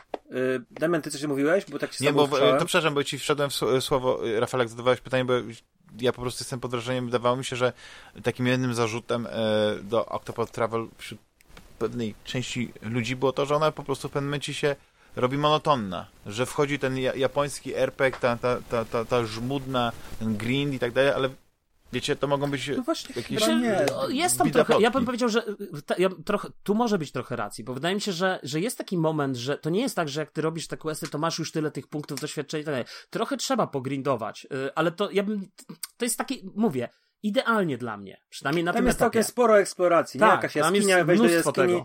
jakiś las, żeby widzisz jakąś skrzynkę, żeby do niej dojść, tam będziesz miał kilka, czy nawet kilkanaście walk do tego czasu, ale dojdziesz do tej skrzynki. Bo ja trochę pograłem rzeczywiście, jak to było w Game Passie. Yy, Powiem ci tak, że ja y, utknąłem chyba na tej postaci, która jest tancerką. To była już ostatnia do mnie chyba do odblokowania. Co mi się podobało? To był ciekawy system walki, bo ja zaczynałem sobie od Hanity, czyli tej takiej łowczyni. E, łowczyni. Mhm. I ona łapała zwierzęta i wysyłała je do no, walki. To, jest to mi się też to, to było dosyć ciekawe doświadczenie, że wiesz, że to nie była jakaś osoba, która ma tam łuk i włócznie to wystarczy i tylko, Niektórych że... Niektórych bossów tam... możesz łapać też, wiesz, później. E, tak, i to, było, i to było bardzo fajne. Później rzeczywiście dochodziły ci, ci kolejni e, kolejni bohaterowie i to nie są takie zwykłe klasy typu złodziej, tak. aczkolwiek Terion jest, jest, jest złodziejem, złodziejem, nie? Tak, ale, ale, jest na przykład y, tam merchant, nie? Taki powiedzmy Tere, handlarka. Te, tak, Teresa. jest właśnie ta, mhm. tak. Y, jest jakiś gościu, który jest y, takim, no nie wiem, naukowcem, no nie wiem, uczonym, nie? Tak, uczonym. Ten, Aczkolwiek on jest magiem de facto, nie? Można by było go podciągnąć, mhm. bo ja też mam wrażenie, że te, że te klasy, ta, ta gra jest tak skonstruowana, że masz cztery postacie, bo na przykład jak masz tą Teresę, która jest merchantem, i to z drugiej, to jakby na, na, na, przeciwnej, e, na przeciwnym końcu masz tego Teriona, który jest złodziejem. Teraz tak. możesz do drużyny wziąć albo ją, albo jego, bo ich umiejętności są jakby w zasadzie Bardzo takie same. Podobne. On no. kradnie, a ona może kupować. Yy, ale to jest jakby w tym samym, ja to sprawdziłem, że to jest jakby ona jest w tym samym punkcie, więc, więc jakby nic nie tracisz. Tak. Czyli teoretycznie... I na przykład masz Hanitę, która jest łow, łowczynią i masz tego dawnego mistrza tak, Olberika, dokładnie. który jest y, tam stracił syna tak w ataku na tą wioskę. Ale jakie to jest super, jak mi już to przypominasz, to już manciarki. Mi się tak podobają te historie tych postaci. No po prostu te punkty... I... Czad. Kurde, do, dobrze mam jeszcze... się tą, tą grę na Game Passie, muszę ją sprawdzić. No musisz, są jeszcze... musisz. Mam takie wrażenie, że wiesz, że są te... Yy, te historie ich to są takie albo, które są powiedzmy takie, no nie wiem, bardzo pozytywne, gdzieś tam doświadczenia, albo są te takie trochę bardziej, no nie wiem, takie łotrzykowe yy, i na przykład Terion, no, historia Terion jest taka łotrzykowa mhm. na przykład, nie? Gdzie w przeciwieństwie do Tresy, która jest yy, zupełnie, zupełnie inna, no nie? I tak samo yy, mam wrażenie, że y, postać y, Olberika, który ma ten takie wywo wywołanie na e, pojedynek, a znowu na przykład Hanita ma tą taką umiejętność e, prowokowacji. Tak, pro, pro, pro, prowokacji. Mhm. E, więc to, tak mam wrażenie, że są takie dwie, dwie różne. Z, z, I to może też być jakieś te mechanizmy zaszyte w tę grę. Ale szczerze, e, mnie trochę ta gra znudziła i ja nie mówię, że to jest wina, wada tej gry, tylko mam wrażenie, że to też był ten pierwszy etap e, u mnie Game Passa, gdzie ja się po prostu zachłysnąłem ilością gier i mhm. nie kończyłem. I wiesz, może trafiłem na taki moment właśnie, gdzie wymagał, trochę była gorsza tej, tej, tej tancerki historia, która mnie nie wciągnęła i, i trochę mnie męczyła, e, bo może, może to po prostu taki wątek, który mi nie trafił i ja wtedy w tę grę przestałem grać, nie?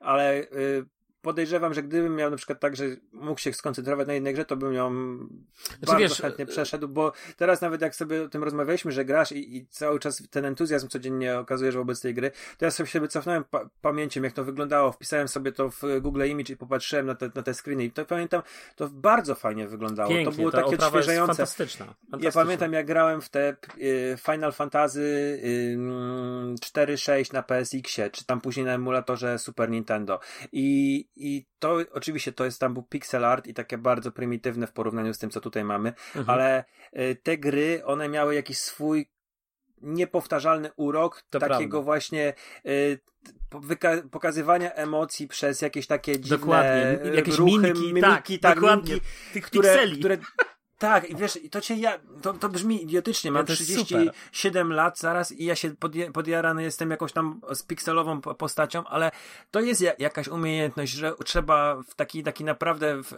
pozbawionym teoretycznie znaków szczególnych twarzy y, czy postaci wepchnąć y, umiejętność pokazania tych emocji. I, i grając po, początkowo właśnie w tego Octopath'a, ja byłem za, zachwycony właśnie tym, jak to, jak to zrobili. Ja wiem, że ten 2D HD czy HD 2 naprawdę nie ma zbyt wielu fanów i ludzie są, dzielą się na takich, którzy to, to, mhm. to, są zachwyceni, tak jak ja i ty, i tacy, którzy siedzą mocno w RPGach i uważają, że to jest krok wstecz i to nie jest spoko ja jestem w tej grupie pierwszej. Ja jestem, dla mnie to wygląda ja też, super. Bo dla mnie, wiesz, dla mnie historia. I też druga ciekawa taka, taka rzecz, że, yy, yy, że ja tak naprawdę w tym naszym gronie, ja akurat jestem chyba najmniej retrowy, tak naprawdę. Mnie retro jakoś specjalnie nigdy, a tutaj po prostu jestem, ja się czuję tak jak dziecko, jakby, bo to jak, jest takie neo 20 lat wiesz. temu, jak grałem w Baldur's Gate'a, wiesz, po raz pierwszy. No po prostu dla mnie to jest, to jest takie doświadczenie. Fantastyczne zupełnie. Także, także dość powiedzieć na, na koniec, żeby już tam specjalnie nie przedłużać, to, to ja słuchajcie, zwariowałem na punkcie. W ogóle teraz to będę to, JRPG wiesz, będę ogrywał. Bo, i, bo i... to jest trochę też tak, przepraszam ci, wejdę, bo wiesz mhm. dlaczego sobie tak myślę, że to ci się może podobać, bo to trochę wygląda, te, te, te widoczki, trochę wyglądają jak makiety, yy, tylko z, zrobione przez tą taką metodę robienia zdjęcia tilt shift, kojarzysz mhm. ją? Nie. Ja nie wiem dlaczego, nie kojarzysz tilt nie. shift, jak sobie... Mm, to jest taka metoda robienia zdjęć, gdzie y, wygląda trochę wszystko jak makieta. Y, nie, no okej, okay, tak, znaczy, okej. Okay. Jak sobie wpiszesz to, y, może ja, nie, no tilt shift fotografii, dobrze mówię. Y, I, I, mam wrażenie, że to, to jest makieta, no, a ty tak, grasz tak, jednak tak, te tak, figurki. Tak, zdecydowanie. I... Tylko, że rozpikselowana I... grafika, nie? Do tego, jakby taka tak, retro, tak, tak, oczywiście. ala retro ale właśnie grasz w te, w te wszystkie gry figurkowe i tak sobie właśnie myślę, że kurde, to jest właśnie coś, co, co, co pasuje w twoją estetykę, właśnie yy, grania w, te, w takie gry, gdzie potrzebna jest jednak wyobraźnia. Mnie, mnie to się bardzo podoba. No, ja jestem, znaczy, ja jestem w ogóle jestem, wiesz, dla mnie, dla mnie w ogóle szapoba, bo, bo to Square Enix zrobił, wiesz, i to jest naprawdę coś takiego nowego i świeżego, wiesz, takiego, takie, takie podejście, tak jak ja widzę, tak jak, tak jak ja to rozumiem, nie, to tym Octopathem oni yy, yy, jakby zrobili. Wiesz, ten Live Alive ma troszeczkę, to, to demo ma troszeczkę inną walkę, bo już jest ten aspekt poruszania się przestrzennego, y, a z kolei ja jeszcze oczywiście idąc za ciosem, nie tylko zamówiłem preorder na Live Alive, więc będę ogrywał, y, to oczywiście kupiłem Triangle Strategy jeszcze, nie? Które jest też na tym samym silniku, ale jest y, walka bardziej turowa, taka ala powiedzmy Final Fantasy Tactics. O, dokładnie. Coś takiego, tam tak, Fire Emblem. No, tak. Fire Emblem. Dużo, dużo dobrego, dużo dobrego o, o Triangle Strategy słyszałem. E, szczególnie, że tam jest coś, co no jest y, podobno bardzo, bardzo fajne, czyli te rozwidlenia w scenariuszu, że mhm. rzeczywiście tak, fabularnie tak, tak, to, ta gra ma dużo do zaoferowania, można być naprawdę e, dwa różne całkowicie przejścia. E, także jestem bardzo zadowolony, że, że, że jesteś zadowolony ze swoich zakupów. Life Alive y, z tych wszystkich retro recenzji, bo ja o tej grze sporo oglądałem, jak ona jeszcze była tylko na Super Famicona i miała może famowskie jakieś tłumaczenia tylko. Dużo, dużo dobrego czytałem i to wiele, wiele osób zawsze podkreślało, że wielką stratą dla Ameryki i Europy było to, że to nigdy nie wyszło oficjalnie i nie mogliśmy e, mhm. w to e, znaczy nie mogę, nie, ja akurat nie, nie grałem ja na oryginalnym Super NESie ani na Famiconie, ale że to, to ludzi ominęło, bo to było coś naprawdę fajnego. Tam jest chyba siedem postaci, każda w innej epoce. Tak, to, i to mnie, i wiesz, każda ma trochę innego rodzaju y, gameplay, tak jak w Octopath Travel, te, te, ten wiesz, bo to jest walki tak, są trochę inne. Bo to jest tak, że jak no. ja wiesz, odpaliłem tego Switcha, to od razu wlazłem do sklepu i patrzę, co jest na tapecie, nie? Tam Discover i od razu wylatuje mi Live Alive. Czytam opis, a tu jakiś cowboy, tu ten, mówię, kurde, co to za zarąbista gra? Już mi się ten koncept spodobał, wiesz. Ściągnąłem mhm. demko, zacząłem pykać tam tym samurajem gdzieś w tej Japonii. Ta muzyczka, ten humor tam, te... znowu scenariusz jakiś w ogóle pierwsza klasa dla mnie, nie? I zacząłem w to grać i później mówię, nie no, wracam do Octopafa, nie? Zacząłem grać w Octopafa. Na początku grałem stary tak jeden do jednego, bo jak grasz w Octopafa na Switchu, w demko, to ten progres ci się, możesz potem kontynuować normalnie w pełnej wersji. Masz trzy godziny możesz grać tak naprawdę i sobie tam odblokowywać wszystko. I wiesz, ja tak grałem tu na, na tym, na PC, wiesz, przechodziłem, żeby zobaczyć i potem grałem na, na Switchu, tylko przewijałem te wszystkie scenki i jeszcze raz, także wiesz, dwukrotnie przeszedłem większość tych postaci tak naprawdę, taki mirror, mhm. wiesz, na samym początku, nie? No ale petarda, petarda panowie. Dobra, ja już, już powiedziałem, dla mnie, dla mnie czat. Okej, okay, w takim razie, Rafale, a to zostaniemy jeszcze na chwilę w Japonii. Mhm. Dobra, dobra. Zostaniemy na chwilę w Japonii. Ale teraz y, ja mm, no niestety, z bólem serca to mówię, bo będę to mówił na dłużej o Ghostwire. To... w tej Japonii, bo jeszcze też mam jeden japoński Okej. Okay. będę mówił o Ghostwire Tokyo. E, jest to gra z tego roku X dla PlayStation, chyba w marcu miało premierę. Deweloperem było Tango Gameworks, czyli grupa, która odpowiada za e, The Evil Within, um, jedynkę i dwójkę. To jest studio Shinjiego Mikamiego, którego no głównie chyba, chyba się zna z, z Capcomu, z, z produkcji e, Resident Evil 1, 4 i Dino Crisis, tak? Crisis. Um, więc Ghostwire Tokyo jest to gra w PP z elementami walki. E, mamy postać, która używa trzech mocy, powiedzmy, bo, bo zostaje e, ciało człowieka e, zostaje przejęte przez wędrującą, uciekającą duszę. I mamy w jednym ciele dwie, dwie, dwie, dwie dusze, powiedzmy, i ta jedna to jest taki, powiedzmy, mag, nie? No, będę tak uproszczeniu mówił. On jest jakimś tam pewnego rodzaju kapłanem, który walczy z, ze, ze złem i, i z demonami. On opanowuje naszego głównego bohatera. Hmm, a w zasadzie ciężko powiedzieć, bo może on jest głównym bohaterem, po prostu wchodzimy do ciała jakiegoś typa, ale nie, tak nie jest. Jednak ten typ bez mocy jest głównym bohaterem, bo mamy takie elementy, takie momenty, gdzie nie mamy tych mocy, że ta dusza nas opuszcza. E, więc ym, mamy trzy, trzy, powiedzmy, trzy moce żywiołów. Ym, wiatr najsłabsza, najsilniejsza oczywiście ogień, czyli po środku mamy wodę, plus jeszcze łuk. E, i, i, I walczymy z różnego rodzaju demonami tak w uproszczeniu, no one mają te swoje wszystkie nazwy, e, które, które pojawiły się poprzez pewnego dziwnego, dziwnego rodzaju wydarzenie w Tokio. Ludzie po prostu masowo poumierali i, um, i, i, całe ulice są panowane przez demony, e, przez różnego rodzaju nie, niespokojne dusze, przez jakieś tam potwory e, z folkloru japońskiego. I to jest temat, który ja zresztą możecie się cofnąć do wielu podcastów, gdzie ja mówię, że ja bardzo na tę grę czekałem, że dla mnie to było prawdopodobnie premiera mogła być tego roku. Oczywiście okazało się już to już, że w e, lutym mm, co najwyżej miałaby drugie miejsce, bo e, wyszedł e, Elden, ale bardzo i tak czekałem na Ghostwire i, i trochę przerwałem grę Waldena, bo i tak nie miałem na niego czasu, a po prostu chciałem tego Ghostwire'a też trochę pod podcast sprawdzić. I dla mnie to ja, jest ja rozczarowanie. Ja anulowałem preorder, wiesz, na, w ostatnim Dla momencie. mnie to jest rozczarowanie i to takie powiem wam szczerze, że e, takie ja też jestem specyficznym odbiorcą, bo ja kilka razy wspominałem o Kowabanie. To jest taka seria książek, ale też podcast e, robiony przez Tara Evelyn. To jest, mm, to jest seria książek i podcast, zresztą ona jeszcze ma jeden podcast o, o Urban Legends, ale to jest e, powiedzmy takie historie z reszczykiem, w cudzysłowie określimy prawdziwe historie, e, straszne historie z Japonii, no nie? Z, z, mhm.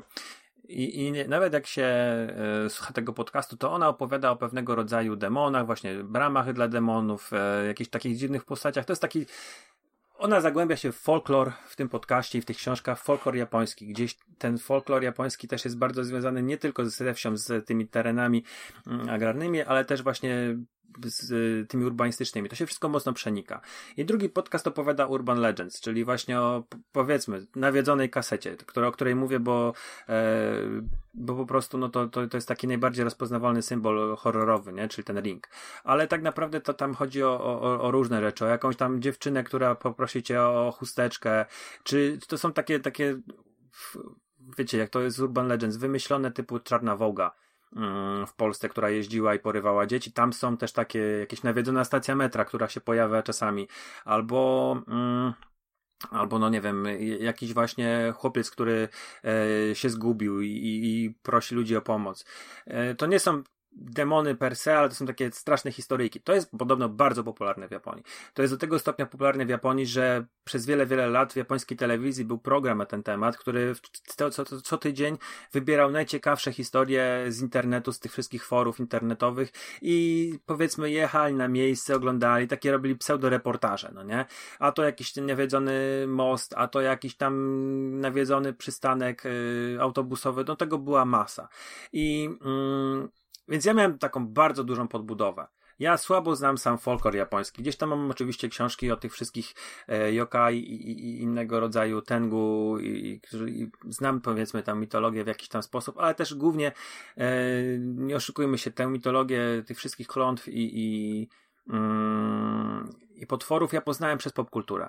Więc ja mam, jestem specyficznym odbiorcą, to chciałem to na, nakreślić, narysować to dlatego, że mnie się ta gra nie podoba, ale komuś się może spodobać. Więc po pierwsze, dla mnie ta gra jest płytka. Rzeczywiście, powrócali te demony, powrócali te różnego rodzaju potwory, ale to jest strasznie proste.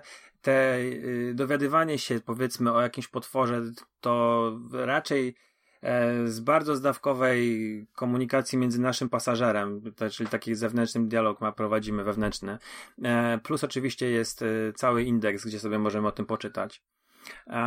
To po pierwsze. I to nie jest, to nie jest jakieś śledztwo, że sobie śledzimy demona, poznajemy historię tego, co on tam zrobił. Całe Urban Legends ogranicza się do znajdziek, czyli znajdujemy pewnego rodzaju raporty, które nasz, powiedzmy właśnie, mm, ten, ten, ta postać, która siedzi w nas, napisała i my je gdzieś tam znajdujemy.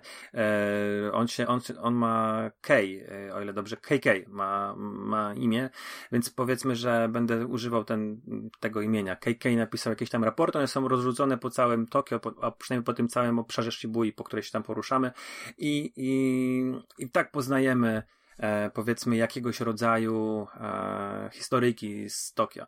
To jest strasznie leniwe. To nawet nie są, e, wiecie, jakieś takie. Mogli to, mogli to pokazać jakoś na, na silniku, jakieś tam, nie wiem, reminiscencje, wspomnienia kogoś. Mogli postarać się. To jest po prostu znajdźka. A druga rzecz, że ta gra e, reprezentuje styl, który często jest nazywany PlayStation The Game, czyli mamy otwarty świat, odblokowujemy. To też jest, mm, powiedzmy, case y, gier Ubisoftu, nie? Ale mhm. Y, Ubisoft robi powiedzmy gry od sztampy, nie? I te wszystkie Far Cry wyglądają identycznie. Tak samo wszystkie y, Assassiny wyglądają bardzo podobnie. Więc PlayStation w zasadzie, Game... W zasadzie to mógłbyś powiedzieć, że już praktycznie zacierają się różnice, bo Far Cry jest tak naprawdę, różni się od tylko... Assassina tylko tym, że widok jest z pierwszej osoby, nie? Też, mhm. też tanca jest już tak naprawdę wszędzie taka sama. A znowu The PlayStation The Game masz, wiesz, masz um, inne mechaniki, masz innego rodzaju bohaterów, masz dobry story e, telling, masz dobre fabuły. Czyli mamy na przykład od, od Infam e, Infamous? Nie, to, Infamous. No, Infamous, tak? Ta, o, tych, o tych supermocach, co ludzie dostali. Uh -huh. e, to gdzieś tam mamy jakieś takie, takie podejście do superbohaterszczyzny. Mamy też superbohaterszczyźnie e, Spidermana, który mamy otwarty świat i tak samo mamy na mapce zadanie główne, idziemy do niego i przechodzimy, popychamy fabułę do przodu, ale oprócz tego mamy masę aktywności pobocznych. Mamy e, w tej samej, powiedzmy, konwencji zrobiony Ghost of Tsushima. Świetna gra. Mhm. Bezapelacyjnie gra roku dla nas. Każdy z nas ją kocha. E, ale to jest tak samo. Czyścimy mapkę. Możemy sobie jeździć po tej mapce, nie iść do głównego zadania, zbierać, wiesz, a to w jakieś tam y, podjechać do wioski, pociachać bambusa. Możemy robić zadania poboczne. Możemy po prostu sobie eksplorować i, i zbierać jakieś tam upgrade'y, no nie, dla nas. Więc Ghostwire Tokyo to jest PlayStation The Game. Mamy otwarty świat, odblokowujemy sobie świątynię i dzięki tym świątyniom e, powiedzmy pojawia nam się na mapie, zaznaczone są miejsca, gdzie, gdzie się nam interesuje. E, plus jest tak, po pierwsze jest masa znajdziek, mm, masa dusz do uratowania, tego jest po prostu cały czas coś. Tych różnych rzeczy, które możemy zbierać, później sprzedawać i zamieniać tę, tę walutę na nasze umiejętności, są, jest dziesiątki, bo to są, a to jakieś takie dziwne y, przedmioty codziennego użytku, a to są jakieś e, właśnie rzeczy związane z kultem, a to właśnie te takie e, nasze notatki KK'a, a to są jakieś właśnie przeklęte przedmioty. Tego jest bardzo, bardzo, bardzo dużo. I na mapie są rozrzuceni przeciwnicy, którzy w, w toku fabuły gdzieś się tam pojawiają, są nam przedstawiani, bo to są na początku jacyś tam zwykli jakieś zwykłe pionki, później jakaś kobieta taka wysoka w wielkim kapeluszu, która też jest związana właśnie e, z jakimś tam urban legend. Później mamy e, no, kolej jakiegoś kolejnego potwora. Nie chcę tutaj wchodzić w szczegóły, bo, bo ich jest tam kilka, ale aczkolwiek nie jest jakoś bardzo dużo, one są powtarzalne, te walki. To są dziewczynki y, w szkolnych mundurkach, chłopcy w szkolnych mundurkach bez głów, albo ludzie z parasolami i oni się tam między sobą trochę różnią. Jedni są więksi, e, drudzy są mniejsi. To, te, te postacie to są manifestacje jakieś tam mm, świata demonów, tak? Ludzie, którzy jakieś tam, to jest wytłumaczona jakaś tam manifestacja czegoś tam, no, no jak ktoś się co zagłębi, to spoko. Dla mnie to jest yy, niestrawne było. To nie miało jakiegoś takiego, nie czułem stawki, może nie, nie poczułem w ogóle ale... stawki w związku z bohaterem, więc ale... ja nie czuję w ogóle jakiegokolwiek sympatii do Akito ani do KK'a, no. Jedno pytanie, bo jakby to co, to, co cię odrzuca, czy odrzuciło, bo rozumiem, że skończyłeś finalnie grę. Nie. A, nie skończyłeś. Porzuciłem grę i ja się boję, że jej nie skończę, aczkolwiek mhm. wiesz, no chciałbym, chciałbym to, to zrobić. Do czego, do czego zmierzam? Tylko, to, tylko pozwól mi jeszcze zadać pytanie, bo, bo mhm. pytanie moje jest takie, yy, bo co cię finalnie odrzuciło? Czy odrzuciła Właśnie, cię ta fabuła, czy gameplay? E, wiesz, gameplay sam w sobie nie jest jakoś fatalny. Mhm. Aczkolwiek jest mało, no są, to są te trzy rodzaje ataków, plus jeszcze łuk. E, możemy się podkradać i gdzieś tam od tyłu zaatakować demona. No, no są to jakieś tam różnego rodzaju sposoby na walkę. Nie miałbym z tym problemu. Poraziła mnie gigantyczna powtarzalność czynności, które musimy robić. Powtu- po, poraziła mnie olbrzymia powtarzalność asetów, bo to Tokio jest, to ta Shibuya, w której się ta akcja dzieje, jest naprawdę bardzo duża i niestety większość rzeczy to jest po prostu kopiuj w klej. Mhm. Nawet mieszkania, które rzadko kiedy odwiedzamy, bo, bo, bo poruszamy się po ulicach, po dachach, mamy te, te swoje umiejętności skoku, jakiegoś tam szybowania, e, więc poruszamy się po dachach, zdejmujemy tam przeciwników, ale są, pojawiają się mieszkania, do których możemy wejść. I te wszystkie mieszkania wyglądają identycznie. Po prawej stronie kibel y, z prysznicem, później mamy, czy nie, najpierw łazienka z prysznicem, później kibel, później salon, po prawej stronie mała e, sypialnia, po lewej stronie kuchnia i jeszcze jedna mała sypialnia z szafą. No po prostu każde mieszkanie identyczne i praktycznie tak samo wyposażone. E, i, I wiesz, jest tam sporo pracy, na przykład jeżeli chodzi o asety, jakieś tam w szpital, no to jest ileś tam dziesiąt różnych rodzajów e, szafek i, i sprzętu medycznego, ale jesteśmy tylko w tym szpitalu raz i przez powiedzmy 15 minut. Mm, a później chodzimy, mamy na przykład bardzo długi fragment, przynajmniej miałem w centrum handlowym, który wygląda po prostu identycznie, tylko takie może tam napisy zmieniają. E, to jest po pierwsze dawno nie trafiłem na coś, co teoretycznie powinno mnie zafascynować, a było w takiej mm, w takim art stylu, w takim tak sposobem przedstawienia, które by mnie w ogóle nawet nie zagrzało, że wiesz, że miałem, wiecie, że, e, nie miałem przyjemności z obcowania w tym świecie. E, spędziłem w bardzo podobnych klimat, znaczy bardzo podobnym środowisku w, w grach Yakuza, gdzie biegałem po bardzo podobnych ulicach pełnych neonów. E, dziesiątki, a nawet setki godzin, bo ja były to, to dziesiątki to na każdą e, jedną grę, ale tutaj to nie jest jakoś szalenie ciekawie pokazane. Dominuje tak jest takie powiedzmy pewnego rodzaju spaczenie, dominuje taki fioletowo-czerwony kolor plus te nasze moce, gdzieś tam taka niebieska mgła na, na peryferiach i, i to wszystko jest skąpane w, w świetle czerwonego, krwawego księżyca i, i często tam pada deszcz i to wygląda ładnie, ale po dwóch czy trzech godzinach em, gry tak naprawdę widzimy absolutnie wszystko już i ciągle poruszamy się po tym samym. No, gdzieś tam w pewnym momencie mamy wycieczkę do kanałów, które są po prostu, jak to zawsze wycieczka do kanałów e, w każdej grze to jest jeden wielki żyg. E, I później znowu wracamy na tę ulicę. Czasami mamy jakiś park i trochę drzew. E, czasami trafiamy do jakiejś bardziej, powiedzmy, mm, uliczki takiej, gdzie jest jakiś trochę ba bardziej taka klasyczna zabudowa. Mówiąc klasyczna, mówię o jakiejś takiej drewnianej. Ale generalnie e, powtarzalność tej rozrywki, bardzo miałka fabuła, która w żaden sposób nie nie angażuje. Nie jesteśmy ani zainteresowani historią tego Akito, naszego głównego bohatera, ani e, KK'a. To wszystko dowiadujemy w ogóle z tych e, z tych znajdziek. To nie jest dobrze napisana fabuła, że, że wiesz, łapie nas za, za gardło i trzyma, tylko po prostu ciekamy przez te kolejne, wiesz, na przykład, żeby dostać się do zadania głównego musimy odblokować kolejnych kilka punktów na mapie, żeby przejść tam, no nie? Czyli musimy odblokować, takie bramy, gdzie są duże starcia.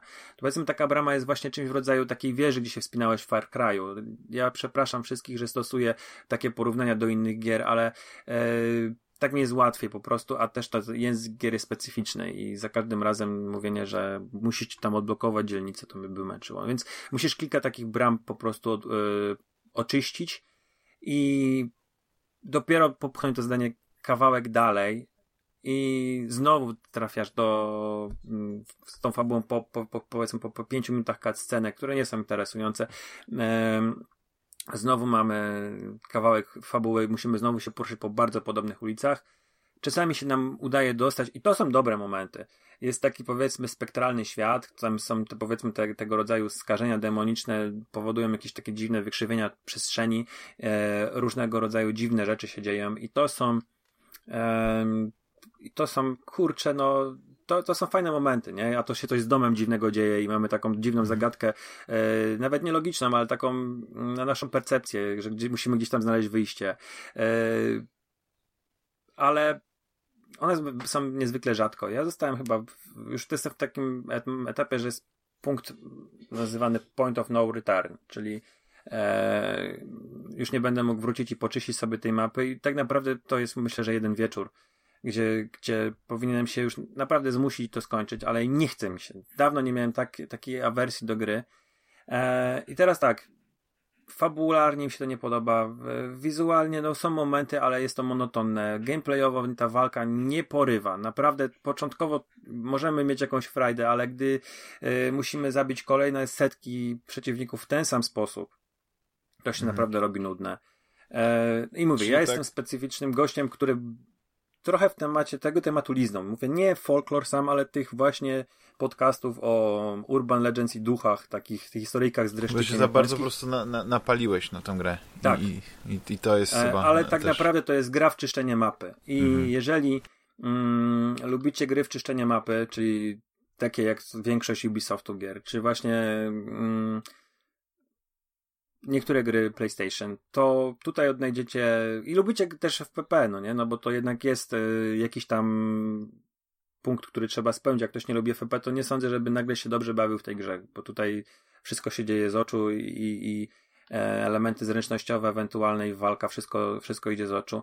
Ja jestem rozczarowany. Dla mnie to miała być gra roku. Naprawdę sądziłem po tych, po tych fragmentach, które widziałem, że to był, będzie coś, co absolutnie mnie kupi, a tak naprawdę to jest fajnie wyglądająca momentami, ale też bez przesady gra w czyszczenie mapy i przede wszystkim ma dla mnie e, no fabularnie to, to, to jestem, jestem chyba z tych ekskluzywów na PlayStation to nie było tak słabej fabularnie gry. I to jest o, okropny zarzut dla mnie. Dla mnie ten gameplay był od początku podejrzany, bo ja oczywiście zrobiłem na fali jakiegoś tam y, hura optymizmu, y, bo, bo, na trailerze, w takim obrazku trailerowym to wygląda bardzo ciekawie, intrygująco, zachęcająco. Mhm. Aczkolwiek jest pewien, pewien y, taki, że się żółta lampka zapala, to, to, to jest ten gameplay, wiesz, który jakby ja nie byłem w stanie sobie wyobrazić, jak to, to strzelanie z tych palców, jakieś takie rysowanie, to jest jakby albo ni to shooter, ni to nie shooter, wiesz, i, i, i jakby to, to było dla mnie na tyle podejrzane, że, że finalnie zdecydowałem jednak e, odpuszczać. Wiesz, mhm. e, to jest ciekawa sprawa, bo ten facet, który e, odpowiada za, za gameplay, tam walkę powiedzmy, e, to jest Shinichiro Hara i to jest gościu, który gdzieś tam, to nie jest moim zdaniem jakiś tam przypadkowy gościu. On, on no rozumiem. On robił przy Dumie tym z 2016 roku, był reżyserem tych wszystkich animacji. Robił w Rage'a, tego starego z 2011 roku. On robił przy Medal of Honor, robił przy e, jakimś GoldenEye, więc to jest gościu, który czuje totalnie te, tego FPP. I ja sądzę, że niektórym ludziom może to podejść. On sam to określa jako coś, co. To nie, nie, że jakiś wywiad czytałem, tylko to z Wikipedii wziąłem, że to mówi, że to jest gdzie karate spotyka magię. I coś w tym jest, wiesz, ale to nie jest znowu. Mm, to nie jest znowu aż takie pociągające, bo to są na przykład tak, cała ta magia się opiera na tych takich yy, gestach. Które, które są jakieś tam z japońskich e, sztuk walki, z ninjitsu, nie? Jak oglądaliśmy z lat 80. te filmy Ninja kontra coś tam Ninja, albo i, to dziesiątki tych produkcji były, nie? Ninja 3 Zemsta, e, Zemsta. Ninja. No, to, to Ninja miał taki moment, że jak oni tam stali między sobą, to oni takie mieli gesty, nie? Z palcami. E, gdzieś tam łapali te palce i tych gestów było kilka. Shokotsugi, tak? E, miał opanowane to do perfekcji i tam było chyba dziewięć takich ruchów i ten, te, te walki, mm, te, to co robimy w Ghostwire Tokyo, on rzeczywiście, ten nasz bohater to odtwarza i to jest całkiem spoko, nie? Tak, e, to, to, to naprawdę nie wygląda źle I, i generalnie jest frajda z kombinowaniem z tymi umiejętnościami, z tymi mocami, nie?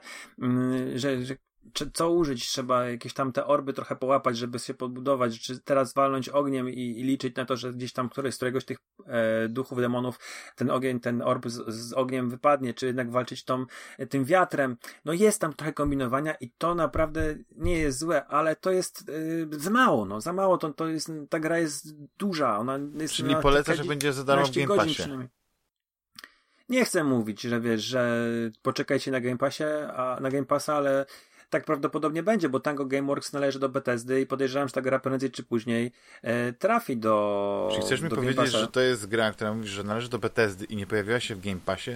Nie, Bethesdy, to jest gra, która, jest była właśnie... robiona przez, ten, przez Tango e, Gameworks jako ex dla PlayStation. Mhm. Ja nie chcę tutaj, wiecie, wyciągać takich wniosków, że to było sabotaż, nie? Bo ja wiem, że ta gra się wielu ludziom podoba. Zaraz tam zaraz sprawdzę, jak ta, jak ta gra wygląda na Metacritic, jaką ma ocenę, czy tam na na tym, na Rotten Tomatoes, ja podejrzewam, że nie będzie miała złej oceny.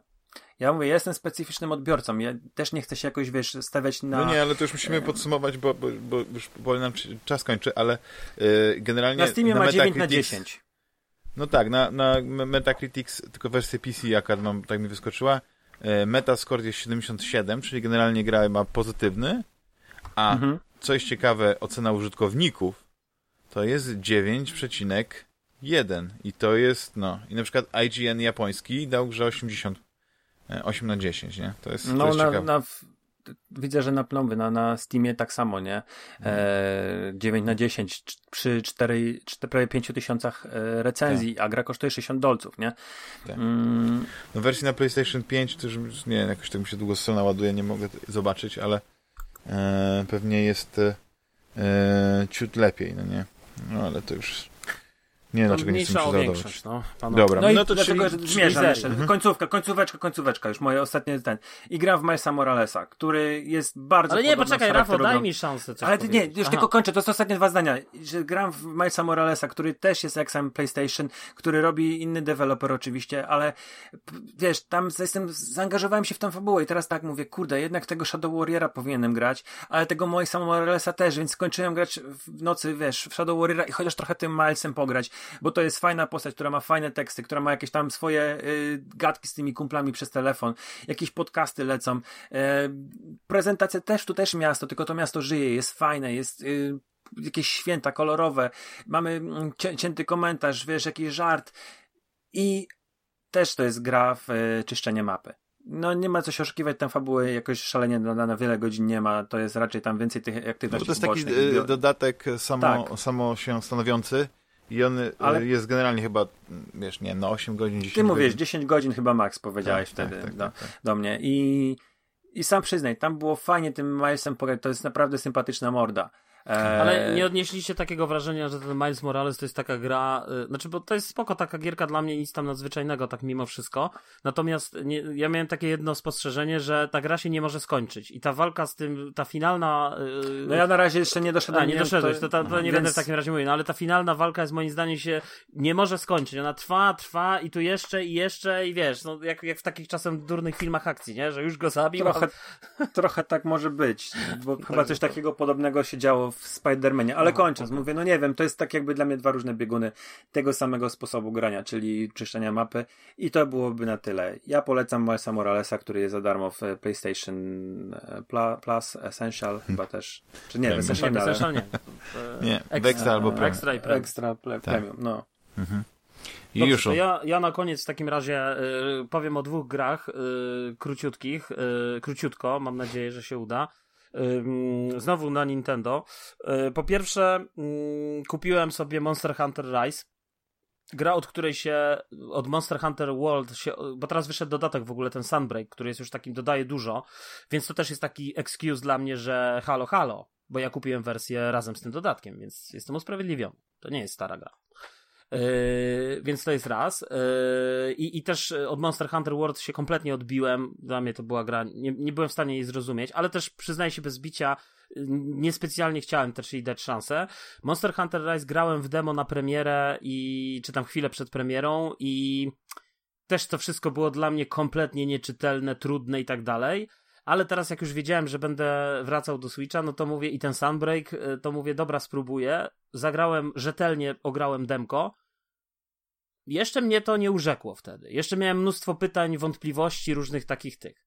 Yy, kupiłem grę, zacząłem grać i po prostu też mam z jakieś tam z 10 godzin chyba. Po prostu niesamowita gra przesiąknięta kulturą tą japońską, wiesz, ten, ten, takim specyficznym humorem, jakimiś tam, jakieś kulki oni tam jedzą, jakieś koty chodzą, te psy, ten świetny... Koty ma... gotują, nie? Koty gotują, wiesz, jest dużo znaczy, jakichś oni gotują, tam... kot, koty jedzą je jak Alf na przykład? Nie, koty są po prostu tam twoimi koty pomocnikami. kucharzami. Tak, kucharzami wiesz, y, ale walka, wiesz, to jednak jest kapką, to jest jednak solidna, naprawdę solidna produkcja i to, i to chodzi po prostu fantastycznie i wygląda fantastycznie moim zdaniem na Switcha. Oczywiście biorąc pod uwagę możliwości Switcha, ale to się nie rwie, to nie, wiesz, to, to nie działa tak jak e, ten Age of Calamity, ten, ten, ten, to muso takie, co się tam leje wszystkich wrogów w świecie Zeldy, nie? Gdzie, gdzie generalnie masz hmm. framerate na poziomie tam 23 klatki, nie? E, wygląda bardzo ładnie, ale 23 klatki, a tutaj jakby jest solidne 30 klatek i to, i to naprawdę, no, fantastycznie to, to, to się gra.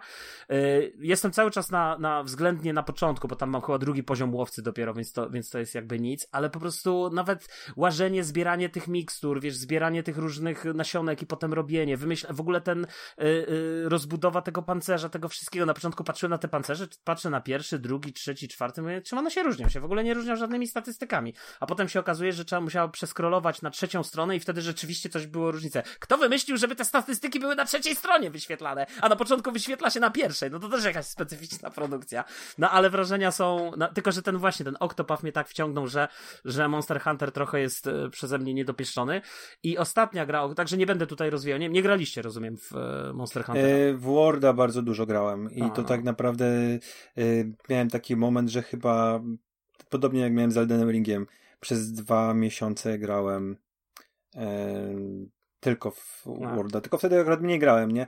Ale bardzo, bardzo, bardzo lubię i wiesz co, gdybym miał e, więcej czasu i mniej gier, to bym podejrzewam skusił się na i byśmy może sobie kopap grali, ale no nie, nie oszukujmy się, no jest tego tyle, że trochę szkoda mi wydawać pieniądze na grę, którą e, no będę miał mało czasu, żeby poświęcić. Znaczy wiesz co, ja, ja y, grałem też trochę w, i w koopie i w takim randomowym multi y, i o dziwo to wszystko działa, jest mnóstwo graczy, nie miałem żadnych problemów. Nie, no jasne. Także, to, także to, to, to, Monster Hunter się nagle okazuje, że to jest w ogóle gra, która ma e, olbrzymi following i, i, bardzo dużo ludzi w to gra, bo ja nie sądziłem, że to jest takie popularne, a rzeczywiście jest. Nie no, ale wiesz, ale ja się mówię, ja się, jakby idea tej gry, kiedy o niej kiedyś usłyszałem, czyli polujesz na te wielkie potwory i tak dalej, czyli jakby wyobraź sobie, powiedzmy, Wiedźmina, tylko wywal z niego całą fabułę i zostaw po prostu walki z bossami i przygotowania do tych walk z bossami. No petarda mhm. dla mnie, nie? Super, super pomysł, nie? Tylko się od tego odbiłem. A teraz jak zacząłem w to grać, no to po prostu yy, jakby znowu bardzo mnie to urzekło, ten gameplay zaczynam odkrywać, wiesz, zaczynam odkrywać po prostu różnice, czy między broniami, że tu jakieś upgrade'y, wiesz, jak to działa. Y, na początku strasznie mnie drażniło to jakieś takie dziwne, toporne wręcz poruszanie, nie, że ta postać tu, wiesz, już nie mówię w ogóle o broniach, nie, że tam inaczej się strzela z łuku, inaczej się, i, i jakby te bronie, wszystkie moce w cudzysłowie tych broni w zasadzie masz dostępne od początku, nie? Jakby jesteś w stanie, mhm. później oczywiście rozwijając tam jakieś upgrade'y, czy robiąc y, upgrade'y, wiesz, tych, tych statystyk poprzez armor, no to jesteś w stanie gdzieś tam y, jakby na to wpływać, ale generalnie jakby proszę, tu jest miecz i możesz walić, nie? Jakby okej. Okay. Więc, więc to jest kapitalne. I tak jak mówię, ta gra no po prostu fantastycznie wygląda. A ostatnia gra, o której jeszcze szybciutko powiem na końcu, bo już musimy pewnie kończyć, yy, zagrałem też w, słuchajcie, Mario Strikers, na którym sobie strasznie już ostrzyłem zęby i nawet już w przypływie jakiegoś rozczarowania chciałem sprzedać, ale w sumie zostawiłem. Yy, i A ja ci tak, powiedziałem, że grałem w tę grę, rozegrałem jeden mecz i nagle się okazuje, że, że dałeś jej drugą szansę. Przyznaj się. Ja skończyłem tam te wszystkie wiesz, puchary zdobyłem Damian tak zagrał w tę grę czytałem, słuchajcie, czytałem te y, rozczarowujące opinie, że tam ludzie i ludzie generalnie narzekający, że tam tylko 10 postaci, że wszystko można odblokować bardzo szybko. I jakby ja się z tym wszystkim zgadzam, z tymi zarzutami, tak? Jakby tego, to też dziwne w sumie, tych postaci to ja bym sobie, ja bym chciał przynajmniej, no okej, okay, no nie musi być tyle co w Super Smashu, ale no nie wiem, ze 20, 30 spokojnie by się znalazło, nie? I można by było zrobić. Y, no może będą, ale właśnie nie wiem w sumie, no.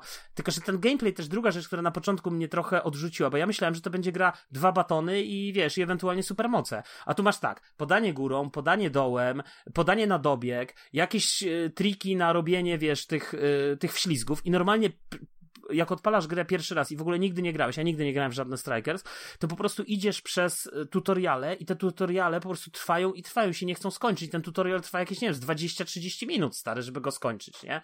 w tym tym. I, ty, I wiesz, i ja grałem z córką, coś tam jej wyjaśniłem mniej więcej, jak, jakie są zasady tego, i ona to opanowała, wiesz, strzały z dystansu i tak dalej. Co i tak jestem w ogóle w szoku, że. Bo dla mnie to jest takie, wiesz, to jest takie bardziej trochę zaawansowane, wiesz. To, to no nie jest, jest taki mix, gra. Moim zdaniem to jest miks piłki nożnej i hokeja. Taki trochę. Albo znaczy, ten, futbol, albo ja tego, nie, nie piłki nie, halowej ja tego, takiej. Słuchaj, ja bym tego Ty... nawet nie porównał, czy to jest do hokeja, czy to jest piłki nożnej, wiesz. To, tego, natomiast druga, jedna rzecz jest fenomenalna, słuchajcie, te wszystkie animacje tych super strzałów, po prostu to jest to jest absolutny top topów. To jest, to, one są tak wypieszczone, tak się fajnie to ogląda, że chcesz po prostu tylko nawalać tymi super ciosa, tymi super mocami, wiesz, tymi super strzałami, bo to po prostu fantastycznie wygląda. Fantastycznie jest zrobione. -hmm. Także jestem tak trochę on defense, no bym powiedział, na, rozumiem, w, kwestii, rozumiem. w kwestii tego. Ale to jest ciekawe, bo ja, y, w, w, takie dziwne piłki to wyszły dwie. Druga to jest ta, która w, pojawiła się razem z Wii Sports E, Wii Sports, przepraszam, Switch Sports. Switch Sports teraz, no ale Wii Sports I, i też, I też teraz Switch Sports pograłem. Oczywiście no, nadal ubolewam, że tam jest e, tak mało e, dyscyplin, bo chyba tylko 6, no ale to już jest inna inszość. Ale zagrałem w tą piłkę, bo ty tak zachwalałeś tą piłkę chyba.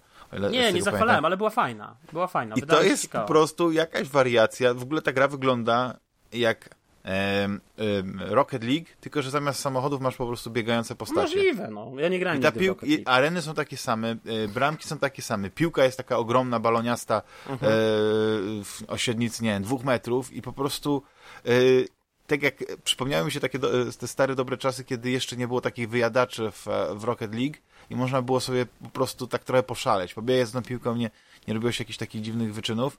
No tutaj jaka to sterowanie mi tak troszeczkę nie odpowiadało, bo tam niby się macha, żeby niby kopnąć i to jest jedna noga, druga noga, no takie dziwne to, że nie wiem. Więc, ale sama koncepcja mi się podobała, to tak, z takich, takich być może jak będzie jakaś promocja, to jednak sięgnę po to, po to Switch Sports, bo podobno mają dojść jakieś e, dyscypliny. Ma dojść jedna dyscyplina, jakieś, słyszałem. Tak, jakieś dodatki i, i, i, kto wie, to może być e, e, ciekawy tytuł. No nic panowie, powoli się będziemy, e, e, będziemy kończyć. Ja chciałem was zapytać, bo mamy tylko jeszcze 5 minutek, to czy oglądaliście ostatni sezon The Boys? No, dzisiejszy finał nie zdążyłem obejrzeć, A. ale... Voice of Pola? The Boys. Nie, The Boys. A, The Boys. E, ale ja mam nadzieję, że będziemy mieli okazję o tym serialu porozmawiać, e, mhm. bo wydaje mi się, że mamy do czynienia z po pierwsze najlepszym sezonem i prawdopodobnie mamy jednym z najciekawszych, do czynienia najciekawszych e, seriali superbohaterskich, jakie w ogóle powstały. No jak teraz właśnie e, patrzysz na Peacemakera i, i, i teraz po tym powrocie tego trzeciego sezonu, no, po, po, tym trzecim sezonie, no jeszcze nieskończonym, no nie, ale ja ci nie no będę jeszcze nic jeden odcinek, nie? Tak, bo ja obejrzałem ten finał i muszę przyznać, że, że ja bardzo lubię te postacie wszystkie. Kurczę, za, y, oprócz Butchera, Butcher jest taki jaki jest, ale wiesz, y, i, i Starlight, i Huey, w ogóle ta, wiesz, lubię tę parę, wiesz o co chodzi? Abstrahując w ogóle Mhm. od całej tej fabuły, od całego tego wątku, y, wiesz, tego No w ogóle konfliktu. Starlight sama w, sobie, sama w sobie jest piękną kobietą w ogóle. Tak, tak, Erin Moriarty jest super aktorka. Znaczy, dziewczyna fajna bardzo. Ale, ale cały ten wątek, prawda, Homelandera i Superboya i, i w ogóle te nawiązania, wiesz, bo komiksy, on, Mhm. ten, ten, ten, serial już dawno się rozminął z komiksami. On miał O, to też na, na, początku Tak, pierwszego sezonu. tak, tam Simon Pegg się tutaj pojawia jako, jako ojciec e, Hugh'ego, no nie, nawiązanie do komiksu. Można powiedzieć, że poza e, na, e, imionami bohaterów tych postaci, to totalnie oni poszli w inny bo oni teraz, bo oni komentują tą rzeczywistość, którą mamy, wiesz, za tym oknem amerykańskim.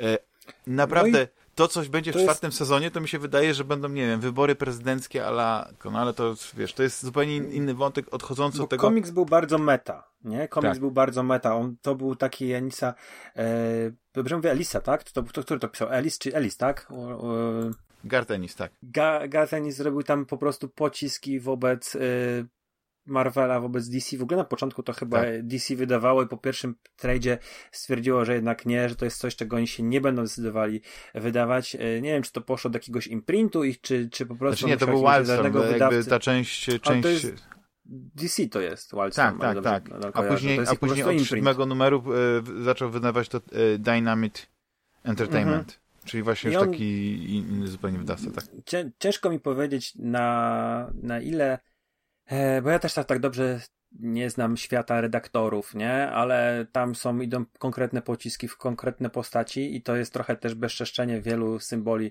e, ważnych dla ludzi, którzy kochają komiksy. Tam jest naśmiewanie się takie bardzo konkretne, mocne, intensywne e, z postaci Supermana, z postaci Batmana. Właściwie może Supermana nie, bo tym Ojczyznosław jest takim Supermanem, Mhm. ale z Batmana, e, z X-Menów. No, po prostu ten, ten, ten komiks jest wulgarny, ale nie tylko wulgarny, bo są wulgaryzmy, Tak. ale rzeczy, które tam ci postacie robią, bo Mhm. ten czynnik e, V e, Tak.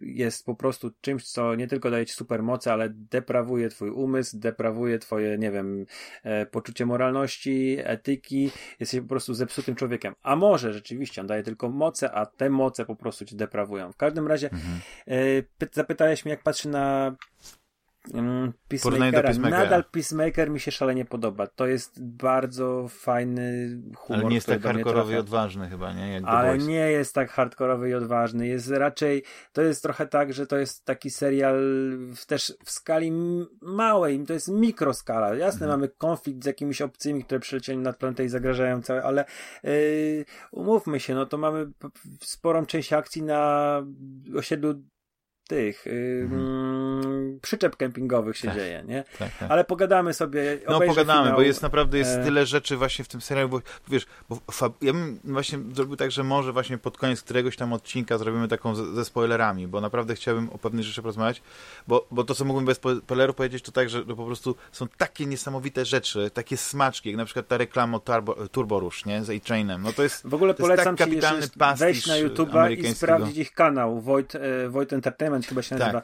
Tam, tam się dzieje w ogóle drugie życie, tak? Tam się, to No, jest no, tak no. jakby rzeczywiście te, te, te, ten świat miał swoje, swoje kanały społecznościowe i tam funkcjonuje. A, a e, sprawdzałeś ciekawostki na Prime, jak że na przykład e, oglądasz na Tak, Prime to jest i... też, że ten X, X-Ray, który, Tak. który do tej pory był tylko rzeczą, która pokazywała ci aktorów, teraz daje ci ciekawostki, co jest super, ale Tak. ja to oglądam po Całe prostu, na przykład wiesz, te, te, teledyski z e, Superboyem można oglądać, jak on tam właśnie w tych latach 80. śpiewa. No to jest kapitan. Zresztą w ogóle Jason e, Ackles, e, Ackles, jak się dobrze mówię? Nieważne. Ackles, Ackles, Ackles, no chyba. On ma tak genialne one-linery. Po prostu są takie teksty, wiesz, o, o tych, że na przykład tam jakaś szczecinka wygląda jak jakiś tam, wiesz, powiedzmy pies. Ja nie chcę tutaj mówić. Będziemy o tym rozmawiać e, za jakiś czas, to, to e, może uda nam się właśnie e, bardziej konkretnie odnieść się do, do tych rzeczy, ale tak, The Boys, jak ktoś, ktoś ma, chociaż przestrzegam, jest bardzo brutalny i wyjątkowo akurat w tym, e, w, w tym Dużo sezonie golizny jest, i dużo golizny i to jest ta golizna, gdzie, nie wiem, przegapiłem ten moment w popkulturze, kiedy e, widok kobiecych piersi, no nie przestał być, no, wiesz, atrakcyjny dla widza, a teraz bardziej częściej dla, może dla, dla efektu szokującego pokazuje to się, ciekawe, nie, mówisz. Moszne się pokazuje, nie? Bo to wiesz, Można. ale, ale, to I raz, nie Kobiecą. ale ja jeszcze jest wam powiem. Panowie, kończymy, kończymy. Kończymy, bo jedna gadamy- tylko ciekawostka na No. koniec jeszcze odnośnie tych, te, tego, co mówi Damian, bo ja pamiętam, że kiedyś, jeszcze z 10-20 lat temu, była taka różnica, że w filmach y, amerykańskich ta golizna to co najwyżej piersi, a w filmach europejskich właśnie pokazywano penisy. No i tym optymistycznym akcentem możemy zakończyć. Dziękuję chłopaki za, za Ja super, również super dziękuję. rozmowę. Y, Ja będę miał dużo y, popkulturalnych rzeczy właśnie na, na następny odcinek, mam nadzieję. Chyba, że będzie znowu o grach. Dziękuję Ci, Rafale, za, za Dzięki. rozmowę. Dziękuję, Juliuszu. Dzięki. Dziękuję wszystkim Dzięki, naszym Juliusz. drogim e, słuchaczom. No i na koniec, e, zanim jeszcze się pożegnamy, chciałem podziękować wszystkim, wszystkim e, tym osobom, które skontaktowały się ze mną, które e, e, wsparły. E, zbiórka jeszcze potrwa przez e, kolejne dwa tygodnie, więc e, no, mam nadzieję, że wszystko zakończy się pozytywnie. Jesteście wspaniali, bardzo Wam dziękuję i dajecie mi tutaj energię, moc do nagrywania, montowania, robienia fantastycznych okładek. No i co, słyszymy się za tydzień. Cześć. Hej. Cześć. Trzymajcie się, cześć.